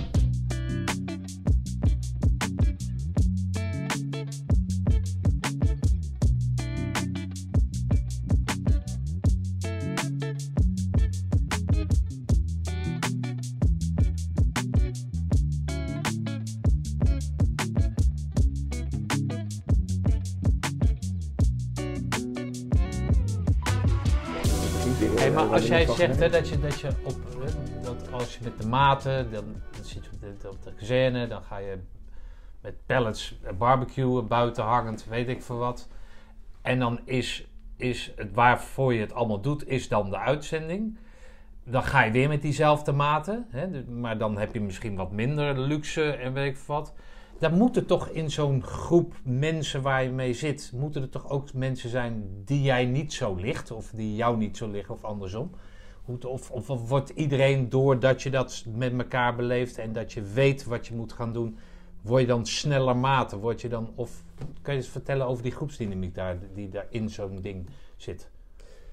Ja, ik denk dat dat wel, eh, wel zo is. Hè, maar die groepsdynamiek die zorgt ervoor dat je, dat je, dat je nog hechter wordt met elkaar. Ehm, en, zeker als je kijkt naar eh, de, de, de, de periodes dat je dan van het kamp af bent. Ehm, ja, er is zeker, nou, het voorbeeld van Mali, er, is gewoon helemaal niks. Hè? Dus je rijdt in een hele grote woestijn. En s'avonds dan zet je de voertuigen zet je neer. En dan zit je met z'n allen zit je in een, eh, een, een rondom. Dus daar zetten we dan eh, onze beveiliging zet je neer. Ja, en dan is het prima om even rond te lopen en te kletsen. Lui houden de, houden de wacht, dus die, nou, je hebt prima overzicht. Dus je kan daar, je kan daar eh, veilig kan je staan. En dan, eh, dan, dan heb je heel veel tijd om met elkaar te kletsen. En ik denk dat we, dat, dat wel ontbreekt in ehm, veel van in, in onze tijd nu. Is dat we heel veel aan ons, op onze telefoon zitten. We zitten achter de computer. Ehm, en dat merken we ook op de werkplek. Dus dat heel veel zit, iedereen zit achter zijn beeldscherm zitten tikken. En het echt het kletsen met elkaar, dat, dat ontbreekt eh, er veel aan.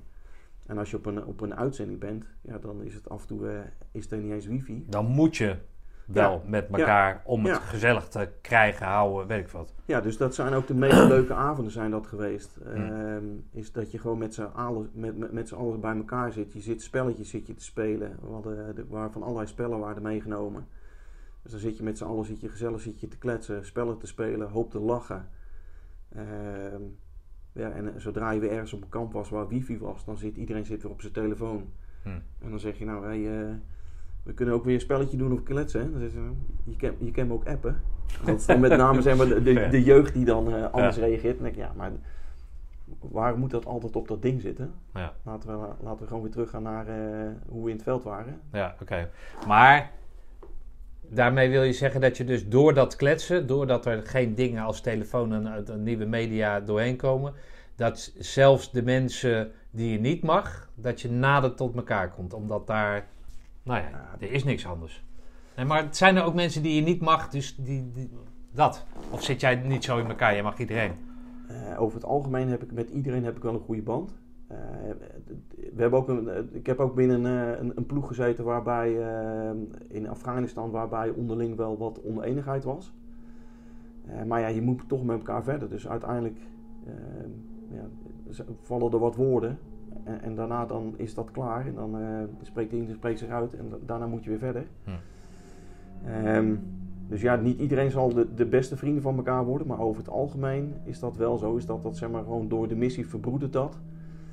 Ehm, en ik vind het ook het, eigenlijk de leukste missies vind ik altijd als je als eerste ergens naartoe mag. Waarbij het eh, echt nog Spartaans is. Ehm, waarbij er nog geen luxe is. Dus eh, ook de, de fitnessmaterialen die worden dan zelf gecreëerd. Dus eh, vind ergens een, haal de, blik op bij de, bij de keuken. Waar de voedsel in heeft gezeten. Eh, Je doet er ergens een stang tussen, tussen twee blikken en je, je vult het met beton. En dan eh, zo bouwen we onze de fitness een beetje op. Ja. Ja, dat, dat zijn, eh, voor mij zijn dat, dat zeg maar de, de, de mooiste dingen om te doen. Ja, oké. Uit die eh, commandoopleiding waar jij eh, in zat, hè, in 94. Ja. Zijn daar meer kerels die, die, die zo'nzelfde route hebben bewandeld als jij? Zijn er meerdere beroepsgeworden? Eh, er zijn een aantal zijn beroeps geworden, alleen dat, Ja. is, dat is wel relatief klein. Dus één luitenant die toen gehaald heeft, Robin, die, die zit nog steeds bij Defensie. Ehm, er zat toen ook nog een, ehm, een, een beroepssergeant zat erin, die was toen al sergeant 1. Nee, die was sergeant toen nog. Ehm, Roger, die, die, die zit nog steeds bij Defensie. En voor de rest is over het algemeen zijn een aantal zijn wel eh, de KVV'er of de BBT'er zijn toen geworden. Eh, en die zijn er later uitgegaan. Dus wat Hm. dat betreft zijn we nog een clubje volgens mij van drie man die eh, van mijn lichting die, Oh ja, eh, oké. die gebleven zijn. Kijk, toen- ja, een paar vragen door elkaar heen, maar dat, Ja. dat, dat, integreert mij altijd. Zoals laatst met de reunie. Hè, hebben jullie goed contact, hebben jullie een, een stevig contact met het peloton? Ja, met name wel met de kaderleden. Dus we hebben, we hebben nog steeds een groepsapp die, Ja. eh, waar af en toe wat, wat informatie op komt.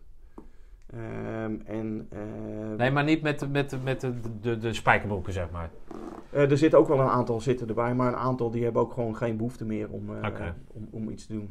Oké, nee, ik was eigenlijk meer benieuwd dat... Snappen die lui dat jij beroeps bent geworden dan? Eh, nou, een aantal weten dat zeker. Maar ook een, een, een heel gedeelte wat ik gewoon na 94 niet meer heb gezien, die, die zullen dat niet weten.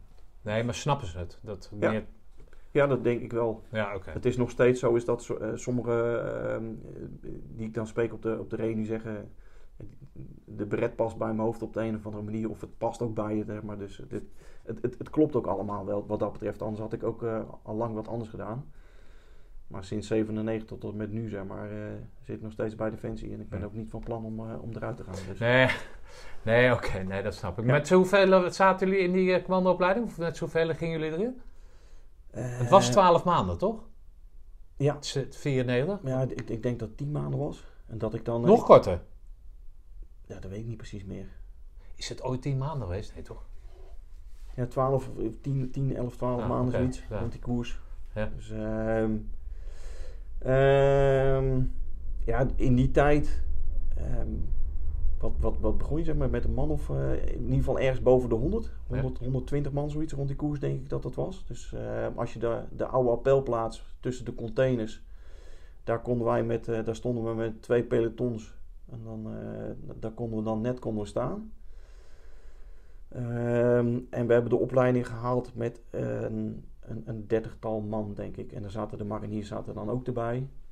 Daarin of er buiten nog? Nee, die zaten eh, tussen- die 30? in die 30 man. Ja, ja, oké. Dus, eh, Oké, en, en eh, noemen ze hem de, de, de, de ECO-commandant, wie was dat? eh, Jos Weri. Oh, oké. De luitenant Weri toen Ja? die tijd. Oké. Ja. Oké, dus dat was... Oh, waar je het over had, de Cor van de Krieken. Ja. Eh, wie, wie, wie, dan nog meer? Bert Thijssen? Wat Bert Thijssen erin? Nee, Bert Thijssen was toen de, de tentenkamp, ah, tentenkampbeheerder. Oké, Dus, ja, moet er ook zijn. Ja. Wat dat betreft heb ik over Bert heb ik ook nog een leuke anekdote. Nou, Daar heb ik, graag. tijdens, tijdens de commandoopleidingen op dat moment heb ik niet gelachen. Eh, maar daarna in de trein op vrijdag eh, heb ik eigenlijk wel eh, heel erg zitten genieten daarvan. Bert die kwam zich eventjes voorstellen op het tentenkamp. Dus stel je voor, we staan op de grindplaat. Bij, bij Bakhuis Roosboom staan we naast. En Bert die komt er aanlopen. Ehm, nou ja, iedereen, voor degene die Bert kennen, is wel, eh, wat dat betreft, is wel een, een, bijzonder type. Ehm, had ook een hondje bij zich, had een, eh, een, een, een, een stok onder zijn arm. Niet zijnde als eh, de CSM of iets dergelijks, maar gewoon een of andere tak uit het bos waar hij altijd mee liep. En, Oh, zijn hondje. Ja. Ja, ja. en en nou, wij stonden allemaal opgesteld. En hij kwam zich voorstellen. En hij begon eh, eh, niet de luitenant Weri, niet de major Timmermans. Maar ik ben hier de baas. Dekken. nou, Ja. toen mocht je nog, iedereen ging dan voorwaarts plat. Dus een driehoekje maken en dan eh, eh, dekken op de grond. En dan op de grindplaat. Ehm, en en dat, dat heeft hij een heel tijdje heeft hij dat volgehouden. En ehm, ook tussendoor nog van, ik hou dit veel langer vol dan jullie. Dekken.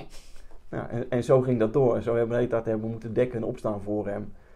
Ehm, en toen liep hij weg. Dan dachten we, oké, dus dat was dus Jan Major Thijssen. Eh, en dat moment dan gaan bijna je armen gaan kapot. En je bent, eh, nou, hoeveel keer ben je op en neer op het, eh, na, na, naar de grond ben je gegaan. Dan denk je, wat, wat is dat voor vent? En dan zit je vrijdag in de trein en denk je, dit is toch fantastisch dat ja. iemand zoiets doet. Dus eh, ja. ja, mooi inderdaad. er zat ook wel een bepaalde humor zat erin. Ja. Dus, ja. Hey, en, en, en, en als jij dus dan... ja, dat is wel grappig, of grappig dat het... Ja, misschien is de tijd ook te kort om dan een goede band met elkaar op te bouwen... zodat je dat, dat, dat bestendig blijft of zo. Ja, dat is wat ik, wat ik net zei. Zeg maar. je hebt, qua kaderleden zit je, is het gewoon anders. Dus je had zeg maar... Je Ja, had want die eh, heb je dat die ja. drie maanden daarvoor. en Ja. dat- ja oké. Ja, je leeft een, wat dat betreft dan een ander leven. Je had de, de 104 bar en de Laatmaar bar. Ja. Eh, de manschappen zaten in, mans, manschappen zaten in de, de 104 bar. Wij zaten in de onderofficiers. Dus dat was toen echt nog uit die tijd. Dus dat je eh, wel afstand had van de, nou, van, Ja. van de manschappen. Ehm, dus ja, dat, dat ons leven was wel anders. Dus je bent veel intensiever leef je met die kaderleden. Ehm, en, en die manschappen, ja, die, wie dan op dat moment voor een oefening in je ploegje zat, daar had je dan wel weer even contact mee. Dat, daar had je dan een band mee. Maar dat wisselde ook wel. Dus Ja. Dus ja, daarin eh, leer je ze, toch leer ze anders kennen. En wij kwamen ook niet zoveel, heel veel in die, die 104 bar.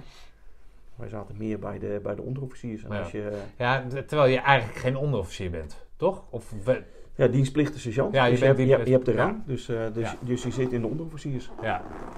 Ja, ik vind ja, ik- ja. Nee, maar ik ben al laatst op eh, het kazerne geweest en dan dat je dan dat no-rank ding Ja. of zo, Ja. weet je wel. Ja, het is gewoon meer een bedrijf geworden. Het is all, all ranks. Ja. Of all ranks, ja. Alle, alle rangen en standen mogen erin. Ja, no ranks, ja, all ranks, ja. En dat maakt het, enerzijds was dat vroeger heel goed, omdat je, eh, als je iets moest bespreken over nou, be- bepaalde manschappen, dan kon je dat prima kon je dat doen. Je kon ook gewoon, eh, in de bar kon je zelf zijn. Eh, nu in de all-ranks, als je een keer denkt van nou, ik heb een gezellige avond, ik wil een keer wil ik doorzakken. Ja, dan heb je ook mensen die kijken en denken, hey, wat is die adjudant aan het doen? Ja. Ehm, dus je laat je. ja, ja, dat, is, Ja. dat is toch anders. Ja. En, en zeker als je daar een, eh, een, een werkverhouding mee hebt en je moet de volgende dag moet je iemand een keer toespreken. Ja. Dan zeg je, nee, je was gisteravond van jezelf was je dronken in de bar. Ja, dus dat, dus, dat, dus dat ja, dat is niet handig inderdaad. Ja. Ja, ja. Ja. Ja. Maar het, het geeft wel aan de, de volwassenheid van het bedrijf. In vergelijking met voor mij dan 40 jaar geleden. Ja. Ja, toch? Ik, Ja. ik snapte niet. Ik werd dan corporaal. En terecht hoor, trouwens. Maar heet dat? Ja, dat je dan in de corporaalsmes moest gaan eten. Vond ik zo'n onzin. Weet je wel? En dat je dan weg werd gestuurd bij de, bij de manschappenkantine. Hoezo? Weet je, wat, wat is dat voor systeem dan? Ja, gebakken eitjes en dat soort zaken. En dan, dan zo'n hofmeester. Ik, ik snapte dat nooit zo goed. Nee, en ik, ik geloof ook precies hetzelfde. Maar ik, ik, ben, ik, heb, ehm, ik heb er altijd zeg maar, de, de, de rang zit op je schouder. En, maar, maar er zit iemand in dat pak. Dus het, het Ja. draait om wie in dat pak zit. Ehm, en ook toen ik CSM was bij de, bij de staf, stafverzorgingscompie bij het KST. Ehm, dan heb je wel eens, er komt een, een, een soldaat komt binnen, maar die is 30, die is getrouwd, die heeft kinderen. Ja, dan kom je, bij mij kom je niet weg met soldatengedrag. Dan zeg ik, je bent een volwassen vent, dus ik verwacht, ook gewoon naar jouw leeftijd en naar nou, hoe, je doet, verwacht ik bepaald gedrag. Ja. Dus je krijgt, van mij krijg je misschien wel meer verantwoordelijkheid dan iemand anders van, eh, van 18. Met dezelfde rang. Ja, Ja. dus ik verwacht, nou, daar heb ik gewoon een ander beeld heb ik erbij. En voor mij draait het ook niet om wat op je schouder staat. Het gaat om wie, welke persoon je bent, wat je, wat je meebrengt. Wanneer kwam die omslag in dat van dat onbehouden, eh, ik ben getrouwd met Beatrix, naar een, eh, een amoureus, eh, amoureus iets? Ehm, nou, dat is eigenlijk wel het voorbeeld wat ik net al zei. Als je in de Hollandse rading staat en mensen zeggen tegen van... ik wist niet eens dat jullie ook normaal konden communiceren. denk je, ja, is, is dit nu allemaal helpend? Dus het, heeft ook, het KST heeft het ook echt wel in de weg gezeten. Is iedereen die in de oude tijd de panzerstorm heeft gedraaid... of de gevechtscursus, dat soort dingen... en die doorgroeide in hun rangen... die had zoiets van, ja, dan heb je die, eh, die Mogol als die iets aanvraagt bij mij... nou, die KST ga ik niet toestaan... Eh, dus je moet wel op een gegeven moment moet je gewoon wel normaal gaan leren communiceren. Want het is, het is gewoon niet helpend. En, en, Nee. Ja, dat is wel, wel een goede opschrijving. En, en, en zeker in die periode dat we... Maar had je ook zo tegen je zoon, dus niet helpend jongens. Ja. Is dit nou helpend voor, voor ons, ons gesprek of niet? Ja. Ehm, en, en, en zeker in de periode als wij eh, eh, voor de missies dat je ging werken met, met enablers. Dat vind ik ook nog steeds een, een raar woord, want we draaien met z'n allen draaien we de missie. Maar En wat was dat ook weer? enablers. Dus, dus zij ondersteunen de missies Ja, ja, van oké. het KCT. Eh, ja, dan merk je op het moment dat je in dat lompe gedrag blijft hangen, ja, dan gaat niemand gaat voor je werken. Dus je moet samen moet je, moet je een team zijn. Eh, dus ja, dan, dan moet je. eh, nou, stap eens af van dat lompe gedoe en ga eens gewoon weer normaal met elkaar communiceren. Ja, maar worden daar cursussen in gegeven of was het een, een, een zoals die man, weet ik veel, die instructeur, die stem die je hoorde, was in één keer, Voor ik mij, moet nu normaal gaan doen. voor mij was dat eigenlijk wel een, een, een logische stap, zeg maar. Het is wel, eh, ja. Op een gegeven moment gro- groei, groei je daar ook gewoon in. Je wordt, wordt- je wordt wat volwassener, je wordt wat anders. En, en daar Nee, maar heb je dat zelf opgedaan of heeft iemand tegen jou gezegd, joh, wat, wat, wat, wie- Nee, dit- doe dat- eens normaal joh. Nee, dat heeft niemand tegen mij Nee? gezegd. Dat zijn wel dingen die je op een gegeven moment zelf gaat doen. Oké. Dus, ehm, ehm, en ik, ik zag er ook wel een bepaalde noodzaak in. Ehm, en, zeker ook met, ik heb een aantal eh, cursussen gevolgd op het gebied van communicatie. Ehm, en e- één daarvan was, is, is adaptatie gespreksleider. Dus als wij terugkomen van missies, dan eh, ga je ergens naar een, een mooi land, een warm land. En daar zit je eh, drie dagen. En dan kun je weer even afschalen van de missies die je gedraaid hebt. Eh, maar daar heb je ook gesprekken met mensen die, eh, nou, een adaptatiegespreksleider, eh, die mensen kan helpen weer even te landen. En te zorgen dat je als je dan naar huis gaat, is dat je dan ook nou ja, het, het- hetgene wat je op missie hebt gedaan voor een groot gedeelte achter kan laten. Ehm, en ehm, nou ja, goed, helpt help dat je als je thuis komt dat je no- redelijk normaal weer Ja. kan communiceren. Ehm, Nou, ik- als, je dat, Ja. als je dat als werk hebt, of jouw functie is op dat moment, dan moet je wel kunnen communiceren. Ja. Ehm, en, en de reden daarvoor was dus dat ik kwam zelf kwam ik terug van een, van een missie. Ehm, wij hadden allemaal hadden wij, eh, meerdere missies gedraaid. Sommige collega's zaten al eh, boven de tien uitzendingen die ze, die ze hadden gedaan. En dan word je ergens word je opgevangen. Ehm, en wij zaten op Mallorca. Eh, en dan krijg je te horen van... eh, zometeen als je, naar de pin, eh, als je moet pinnen, doe het dan met z'n tweeën, want het is hier gevaarlijk. Nou, dan kom je net uit een missiegebied waar je je wapens in de kist hebt gelegd. En dan staat iemand staat dan zo voor je. Denk, je, nou, je hebt echt geen idee wat, wat wij doen. En ehm, nou, dan krijg je dat soort dingen krijg je al te horen. Dan heb je een gesprek met iemand die één missie heeft gedraaid, ooit een keer in Bosnië. Niks mis mee. Maar die was niet zo ervaren in hoe gaat het dan met thuiskomen en hoe doe je dan die dingen.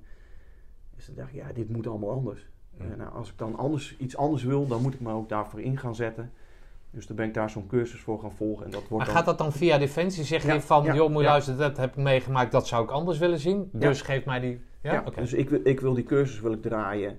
Ehm, en inmiddels was ik toen eh, ook al ge- getrouwd met Christel.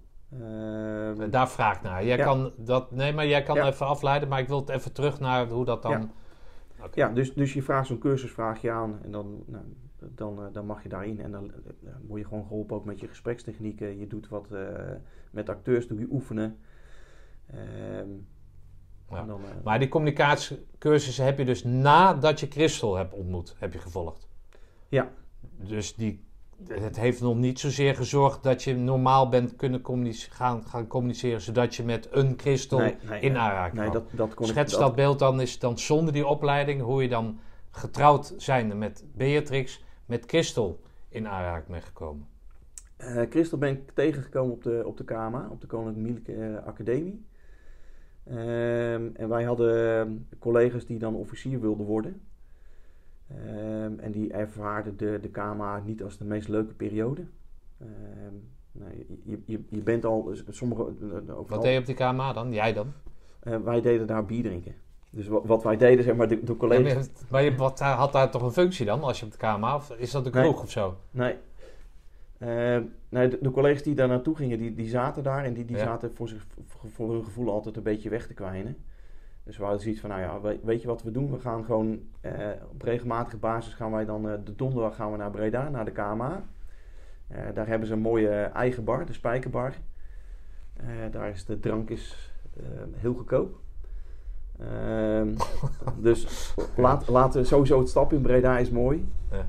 Laten we dan eh, één keer in de zoveel tijd gaan we daar die kant op. Dan kunnen die collega's een hart onder de riem steken. Eh, je hebt een eigen bar. eh, nou, maar je hebt ook daar kadetten rondlopen. Daar lopen ook eh, nou, vrouwen lopen daar rond.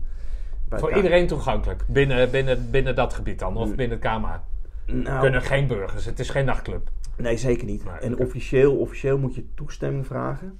Dus je moet toestemming vragen om daar de bar in te komen. Daar zijn bepaalde regeltjes waar je aan moet houden. Eh, maar ja, wij waren KCT'ers, dus wij dachten van nou ja, prima, eh, niemand gaat ons tegenhouden. Wij komen die bar, komen wij gewoon wel in. Dus eh, wij, gingen daar gewoon, wij gingen daar gewoon naartoe. Dus, en daar ben ik, met, eh, ben ik op een gegeven moment ben ik met Christel in gesprek geraakt. Ehm, en we hadden eigenlijk... Nee, maar hoe, was het, hoe, hoe communiceerde je dan? Gewoon, want vanuit dat, ik ben getrouwd met Beatrix. Jij, ja, jij voelde dat dat niet, wat was het? Niet ging helpen. Ja. Toch? Dat is de term, toch? Nee, op, op een gegeven moment merk je ook wel dat je anders moet worden. hè. Het is, eh, het is niet zo dat ik, dat ik eh, alleen maar afgestompt ben geweest en in één keer was, het, was ik dat niet meer zo. Op een gegeven moment merk je gewoon eh, dat je, dat, dat, dat niet helpend is. Ja, helpend, dat Ja, was precies, dat woord. Ja. Ehm, ja, en dan, dan ga je ook wel veranderen. Dus het is, het is niet zo dat ik... Maar jij, zij was ook herkenbaar als militair zijnde. Zij had hem ook een pak aan. Of zij liep in die bar, dus je Eh. nam aan dat ze militair was. Nou ja, dat, in, in die bar heb je eigenlijk alleen maar eh, ehm, heb, je, heb je kadetten rondlopen over het algemeen. Ja, Dus- oké. dus Maar is- zij was geen kadet. Jawel, zij was toen kadet. Oh, zij Ja, was kadet. ja. Oké. En dan, wat, wat, wat zeg je dan? Hi.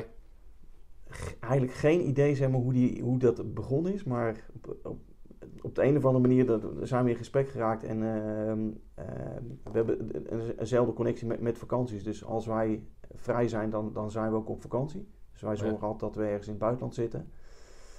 Dus, ehm, dus daar is voornamelijk het gesprek over gegaan, over, over reizen en dat soort dingen. Ehm, ja. Oké, wat, wat, dus dat vindt ze leuk aan jou, omdat zij dat, dat je dat gezamenlijk hebt. Wat, wat vindt zij nog meer leuk aan jou? Ja, ja, alles toch? Nee, dat, dat, dat, dat, moet je ook. Dat moet je ook Meertalig. Ja, dat vindt ze zeker. ja. Ja. toch? Oog voor details en oog voor interieurs. Ja. en, en, en ik denk dat het, ehm, hoe je het went of keert, zeg maar, het, het maakt het ook wel interessant op het moment dat je commando bent. Je bent toch anders, je, bent, je hebt een bepaalde gedrevenheid, eh, sportiviteit die erin zit. Hm. Ehm, dus ja, wat dat betreft is... En wat was haar ambitie dan? Op, op dat, wat deed zij daar op de kamer? Wat, wat, wat wilde zij? Wat was haar ambitie? eh, nou, zij was als, officier. Dus, eh, Zij ik- was al officier. Ja, op Of dat moment wel. Nee, het was nog iets andere, iets andere tijd zeg maar, dan, dan dat het nu was. Ehm, zij had communicatie gestudeerd en zij heeft stage gelopen bij Defensie, dus in, in communicatie. Ehm, en dat beviel goed, dus op, uiteindelijk is zij via de specialistenopleiding is officier Oh, geworden. Oké, dus zij had verstand van communicatie. Dus dan Zeker. weet je dat op dat Ja. moment wel goed. Ja. Toch? Dus er is iets, iets Ja, dat was, je zat, Ja. zat midden in dat... eh, ja, Ja, oké. Oh, wat grappig, joh. Ja. Ja, oké. Eh, en, en zij zat daar, ehm, ik weet niet helemaal zeker of het toen KMA A en B was of KMA 1 en 2, hoe dat toen heette. Eh, maar zij zat in ieder geval voor, voor haar tweede gedeelte zat ze daar om ehm eh, daadwerkelijk dan ook beroepsonbepaalde tijd Ja, oké. En waarom wilde zij dat, als je dat mag vertellen, maar waarom wilde zij dat bij Defensie doen dan? Eh, nou, haar vader heeft ook bij, eh, bij Defensie gezeten, bij de luchtmacht. Dus wat dat betreft kenden zij Defensie, kenden ze al. Ehm, ja, en, ja, het is nog steeds een supermooi bedrijf om voor te werken. Dus. Ja, oké. Maar zij zit nog steeds binnen die communicatie. Nou, wij werken allebei op dit moment bij het expertisecentrum Leiderschap Defensie. Dat hebben jullie allebei dat, eh, zo geregeld? Hebben jullie geregeld? Dat jullie allebei kunnen carpoolen, zeg maar? Nee, dat is, dat is meer toevallig gegaan. Oké. Nee, ik heb hier, ehm, eh, voordat ik eh, bij het expertisecentrum werkte, werkte ik op de KMA als compiesadjudant. Ehm en voor het MD dan heb je ook bepaalde functies die je, die je kan Wat draaien. was MD ook weer? Management Development. Oh ja, ja. Ja. Eh, dus bepaalde functies die je kan draaien en mag draaien. Ehm, en op een gegeven moment, ehm, toen, eh, toen zat ik een beetje tegenaan te tikken van wat, wat wil ik hierna nog doen om mezelf te ontwikkelen. Ehm, en toen dacht ik, ja, laat ik dan maar gewoon de, de adjudanten bellen van het MD en met hem het gesprek aangaan. Toen zei nou, wat, wat zou je willen? Ik zei, nou ja, ik zou in de toekomst nog wel richting het ECLD worden, willen. En toen zei nou, stop maar met praten. Het? Stop maar met praten. Nee, daarvoor ESO. ECLD, expertise Centrum Oh, dat, ja. Defensie. ja. Dus, eh, ik zal opletten met, mijn- met mijn afkorting. Oké. Ehm, dus hij zei, eh, nou stop maar met praten, want eh, het huidige hoofd van de afdeling die, die gaat van functie af, die krijgt een, een andere functie. En we hebben intern gekeken en we denken dat jij de meest geschikte kandidaat bent. Dus jij kan, oktober kan je starten. Nou, Oké, dat gaat wel heel snel. Dus twee, twee jaar KMA en dan eh, nu door richting... eh, richting eh, En wat doet dat expertisecentrum dan? Ehm, nou ja, wij, wij zijn het expertisecentrum op het gebied van leiderschap. Dus wij gaan bij eenheden langs en wij helpen ze het leiderschap verbeteren. Dus het is, En dan op welk niveau dan? Op het onderofficiersniveau. ja, ik ben officieel ben ik het hoofd van de afdeling voor onderofficieren. Ja. Ehm, alleen leiderschap zit overal, dus dat is niet aan rang gebonden. Dus ik kijk niet per se naar welke rang heeft iemand. Ehm, dus dat, dat is op alle, elk niveau is dat. Hm. En het leuke aan deze functie is dat eh, heel af en toe zit je ook met de generaal zit je om tafel. Dan mag je tegen hem ook wat gaan vertellen op het gebied van leiderschap. Eh, en het Dus is je hebt een soort coachende functie. ja, Oké. ja, dus ik ben ook op een gegeven moment in 2017 ben ik de coachopleiding ben ik ingegaan. Eh, dus ik ben me ook wat meer aan de, aan de mensenkant ben ik me, me gaan richten. Oké. En, en, en nu, ja, nu helpen we, dragen bij op het gebied van leiderschap. Hey, hoe, wat ik me dan zo afvraag hè, is, zoals jij dan, nou, zoals iedereen gelukkig ouders heeft, ehm, daar krijg je iets mee. Hè? Ja. Hè, Dus nou, dat heb je aangegeven, die, die, die, dat hard werken, dat vroeg opstaan, niet zeiken. Als je nou een broer hebt en je hebt ouders die allebei militair zijn en allebei verstand van zaken hebben en zo ingenomen zijn met zichzelf als dat jij bent. Hoe, hoe gaan die zonen daarmee om voor jullie? Je bent coach, je hebt verstand van leiderschap, je hebt meer talen, weet ik wat. Wat, wat, hoe, hoe, wat, wat komt er van die zonen terecht? Nou, daar, daar, twijfel, daar, daar zit geen twijfel in dat, dat, dat, dat, dat die goed terecht gaan komen.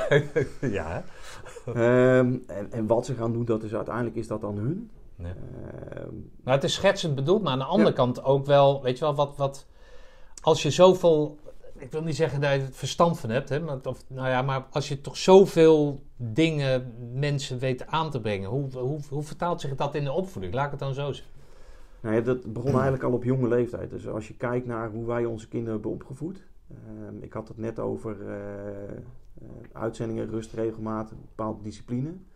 Eh, zo zijn wij thuis ook. Het is, het is niet mega overdreven. hè. Dus het is niet zo dat zeg maar, alles bij ons naar rechts gericht is. Eh, er is ook wel echt wel ruimte voor nou, eh, daar zorgt uh, Ferdinand wel voor, dat, of hoe heet hij? Edgar. Edgar, dat dat niet gebeurt. Ja. Nee, ehm, maar, maar toen, onze, toen de, eh, Jochem Wouter, onze zonen, toen die jong waren, zat er ook een bepaalde discipline zat erin. Dus ehm, tijdens het eten is het gewoon netjes eten. Je blijft aan tafel zitten tot iedereen klaar is met eten en dan mag je pas van tafel af. Ehm, als ze dan tv wilden kijken, moesten ze eerst een speelgoed opruimen. Dus we hadden een heel grote speelgoedmand. Ehm, dan mochten ze alles uitpakken overdag wat ze maar wilden. Maar s'avonds na het eten was het eerst opruimen. En dan mochten ze tv kijken. En dat is een bepaald ritme wat erin zat. Ehm, en toen hadden we op een gegeven moment hadden we visite. En die waren al helemaal verbaasd zeg maar, dat zij netjes aan het eten waren. Op een relatief heel jonge leeftijd al.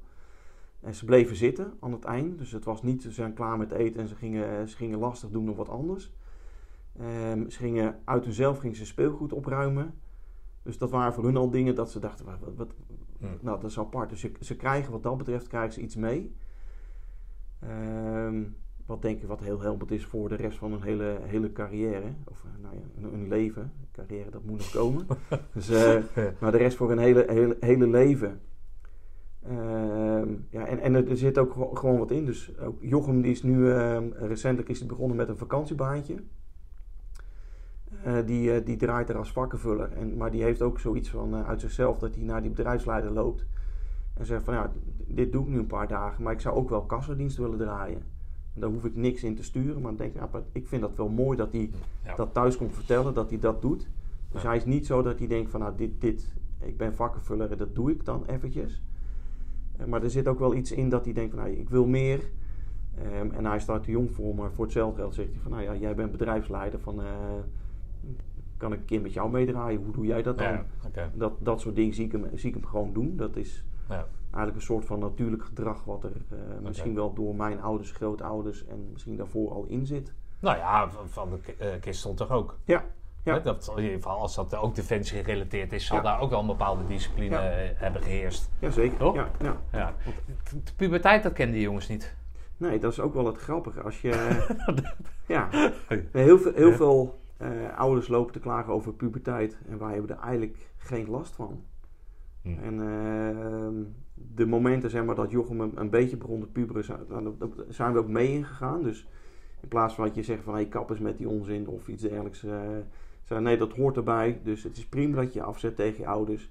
En dacht ik van ja, maar dit, dit, is, dit, dit is niet wat ik wil horen.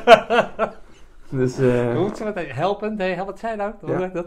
Helpt dit? Nee? is dit helpend? Oh, is dit, Ja. oh, dit moet ik onthouden. Ja. Is dit helpend, inderdaad? Ja, Ja, dus jij komt hier het tuinhuis in en dan zie je Jochem met een joint en dan zeg jij heel empathisch... Jochem, wat denk je? Is dit helpend of niet? nou dat gaat niet gebeuren, maar hij, hij, hij, In het zwembad dan, Ja. met een joint. nee, het, het zijn al geen types die dat soort dingen gaan doen. Nee. Dus ik, Jo- wat dat betreft is Wouter is wel meer een boefje dan dat, dat Jochem is. Jochem is wat dat betreft wel, eh, wel een stuk netter nog. Ehm, maar ja, dat zijn dingen waar wij eigenlijk niet over twijfelen dat ze dat soort dingen gaan doen. Hmm. Dat is, eh, en, en, en als ze dat een keer willen proberen, dan moeten ze dat vooral moeten ze dat, moeten ze dat doen. Eh, maar ik heb niet het idee dat dat gaat gebeuren. Dus. Eh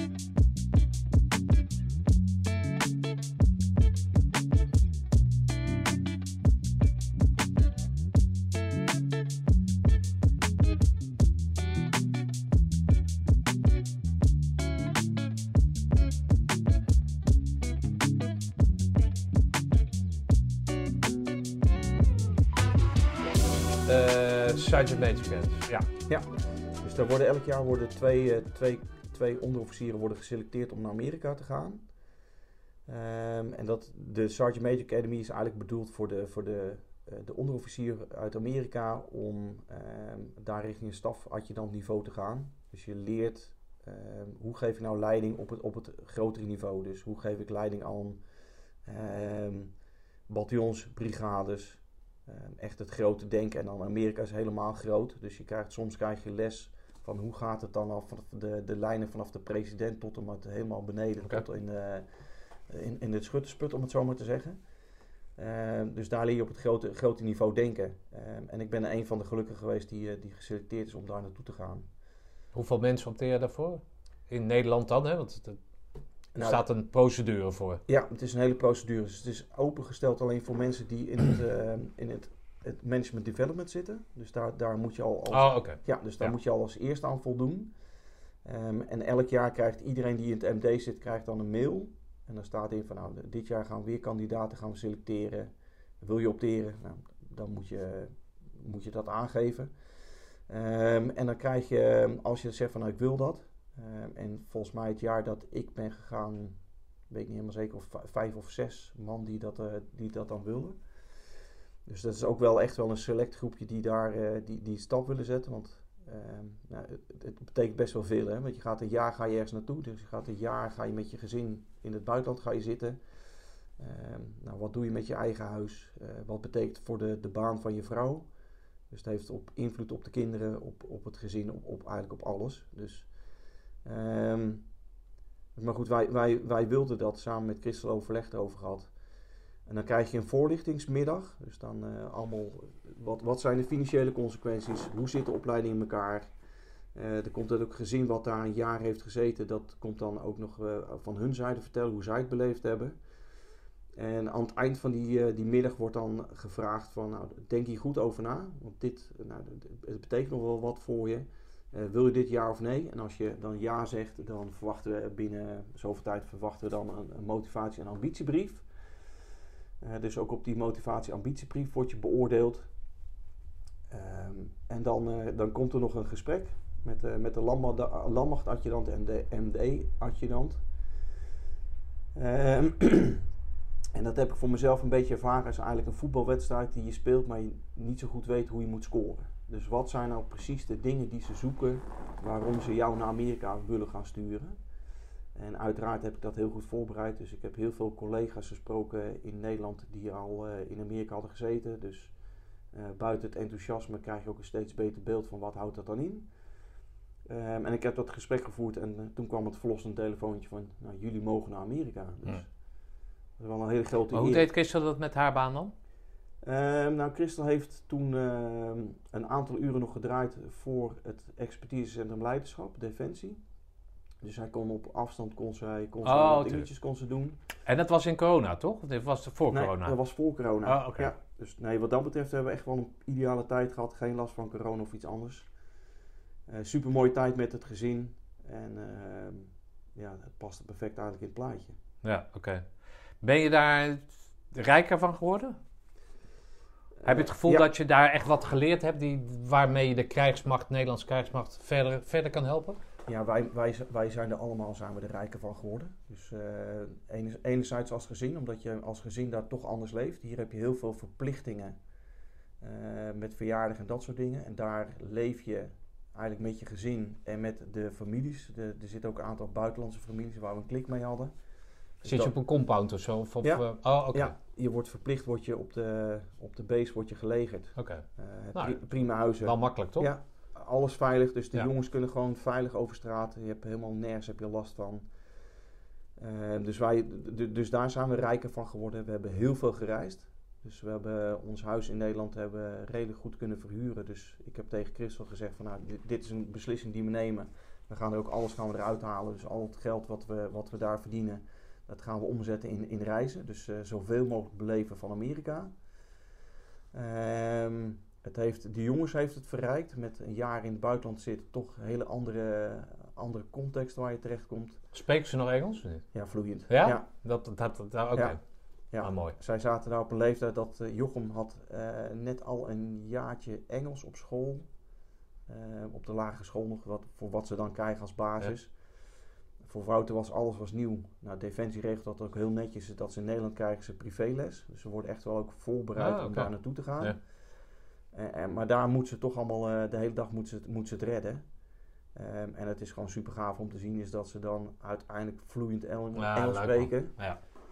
En Was het internationale school of was Nee. het... een- Nee, zei nee, nee, Oké, het was gewoon een reguliere Amerikaanse school. Ja. Oh, beter. Ja, dus zij zijn helemaal naar die. eh, het was een private school, dus we hebben echt wel gekeken naar een school die ook bij hun paste. Eh, wat kleinere klassen, zodat ze ook wel voldoende aandacht kregen. En het mooie eraan is dat zij aan het eind van het jaar, dan hebben ze, ehm, hebben ze allebei hebben ze de Best Student Award hebben ze gekregen. Oh, wat leuk. Ja, Omdat ze. ze zijn niet zomaar een zoon van, hè? Nee, precies. dus, eh, Jij komt niet eerder thuis. nee, Voordat.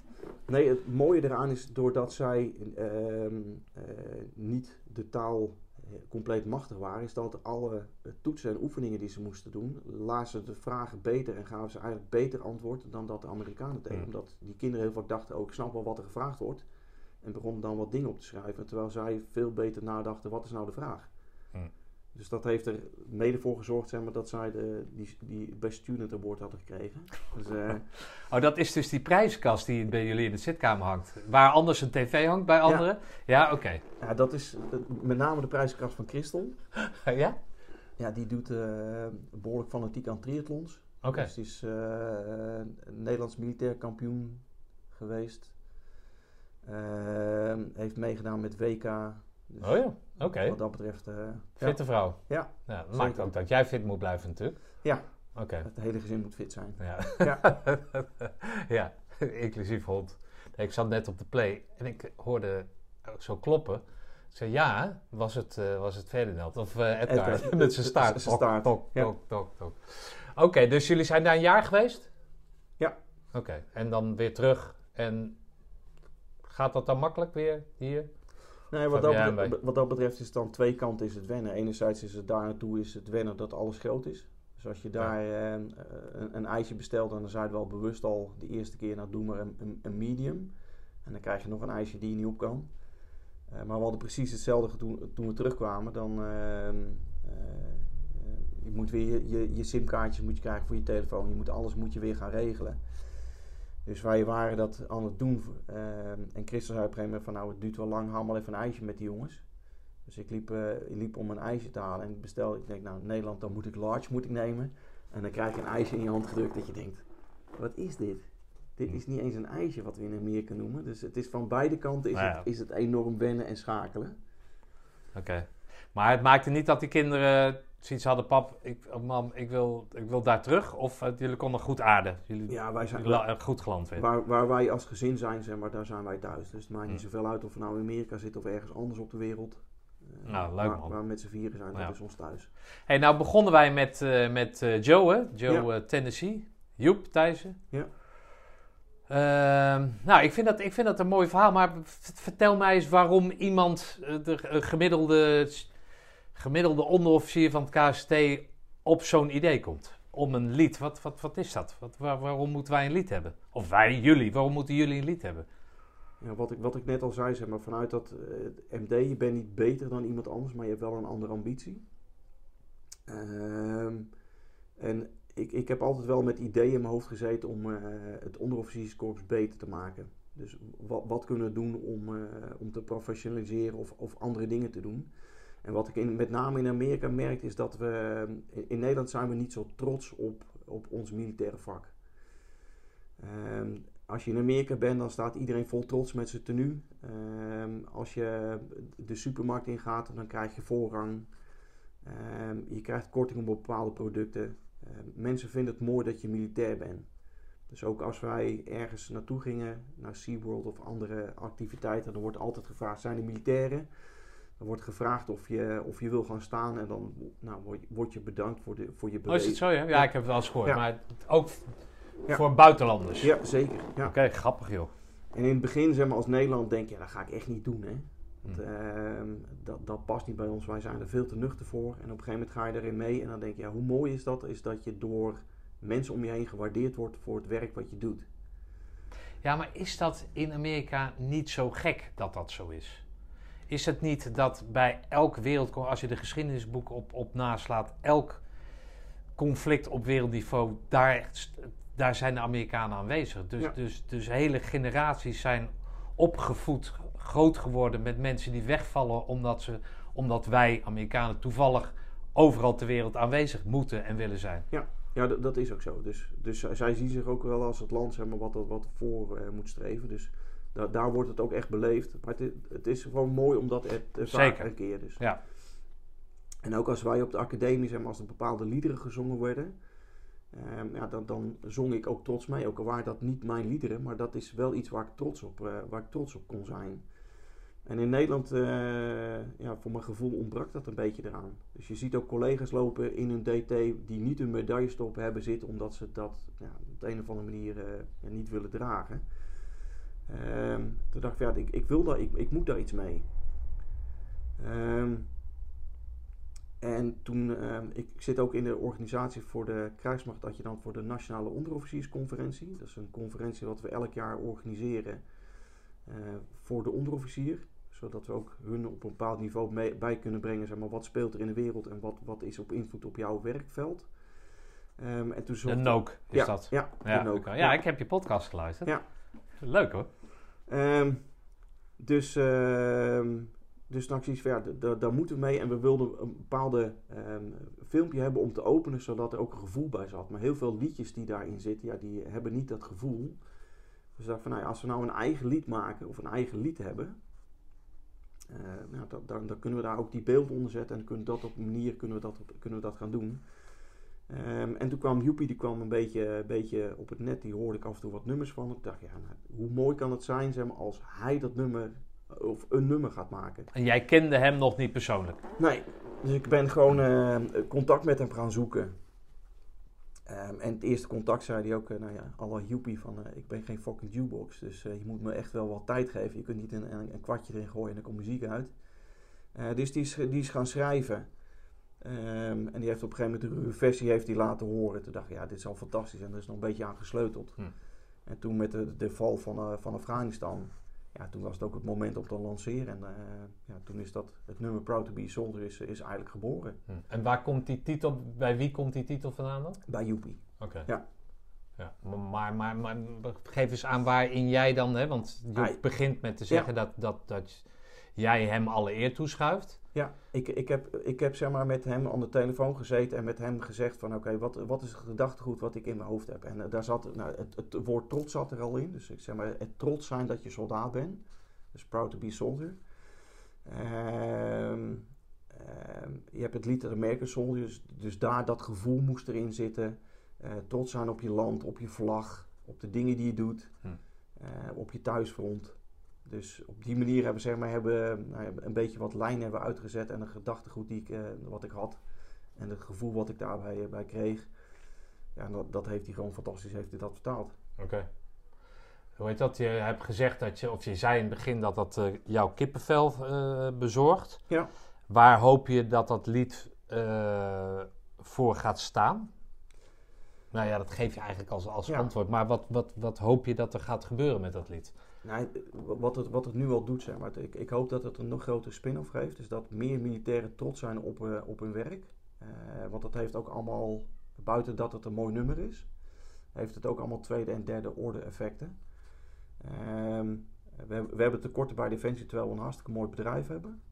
Ehm, en doordat neg- collega's negatief erover kletsen, ja, dan lokt het ook niet voor andere mensen om te zeggen, daar wil ik, wil ik ook naartoe. Dus als wij veel trotser zijn op op ons werk, als we daar met vol trots over vertellen, dat ook nog ondersteund met een mooi nummer zoals bijvoorbeeld Proud to be Soldier, Ehm, ja, dan heb je denk ik veel meer mensen zeggen van oké, dat wil ik ook gaan doen. Het Hmm. trekt mij, ehm, ik, ik wil ook zeg maar tot die familie wil ik behoren. Dus ja, dat hoop ik ook zeg maar dat dat ook nog eh, ertoe bijdraagt. Ehm, en het helpt ook andere veteranen om ook weer trots te zijn. Want ook daar zitten mensen tussen die eh, soms eh, niet meer zo trots zijn op, op het werk, omdat ze dingen beleefd hebben of dat, dat ze op een andere manier behandeld zijn dan dat ze misschien anders voor ogen hadden. Dus als dat er overal aan mij bijdraagt, ja, dan is dat, eh, is dat meer dan fantastisch. Dank voor je verhaal, JP. Keep up the good work. Noem koud, noem kwam.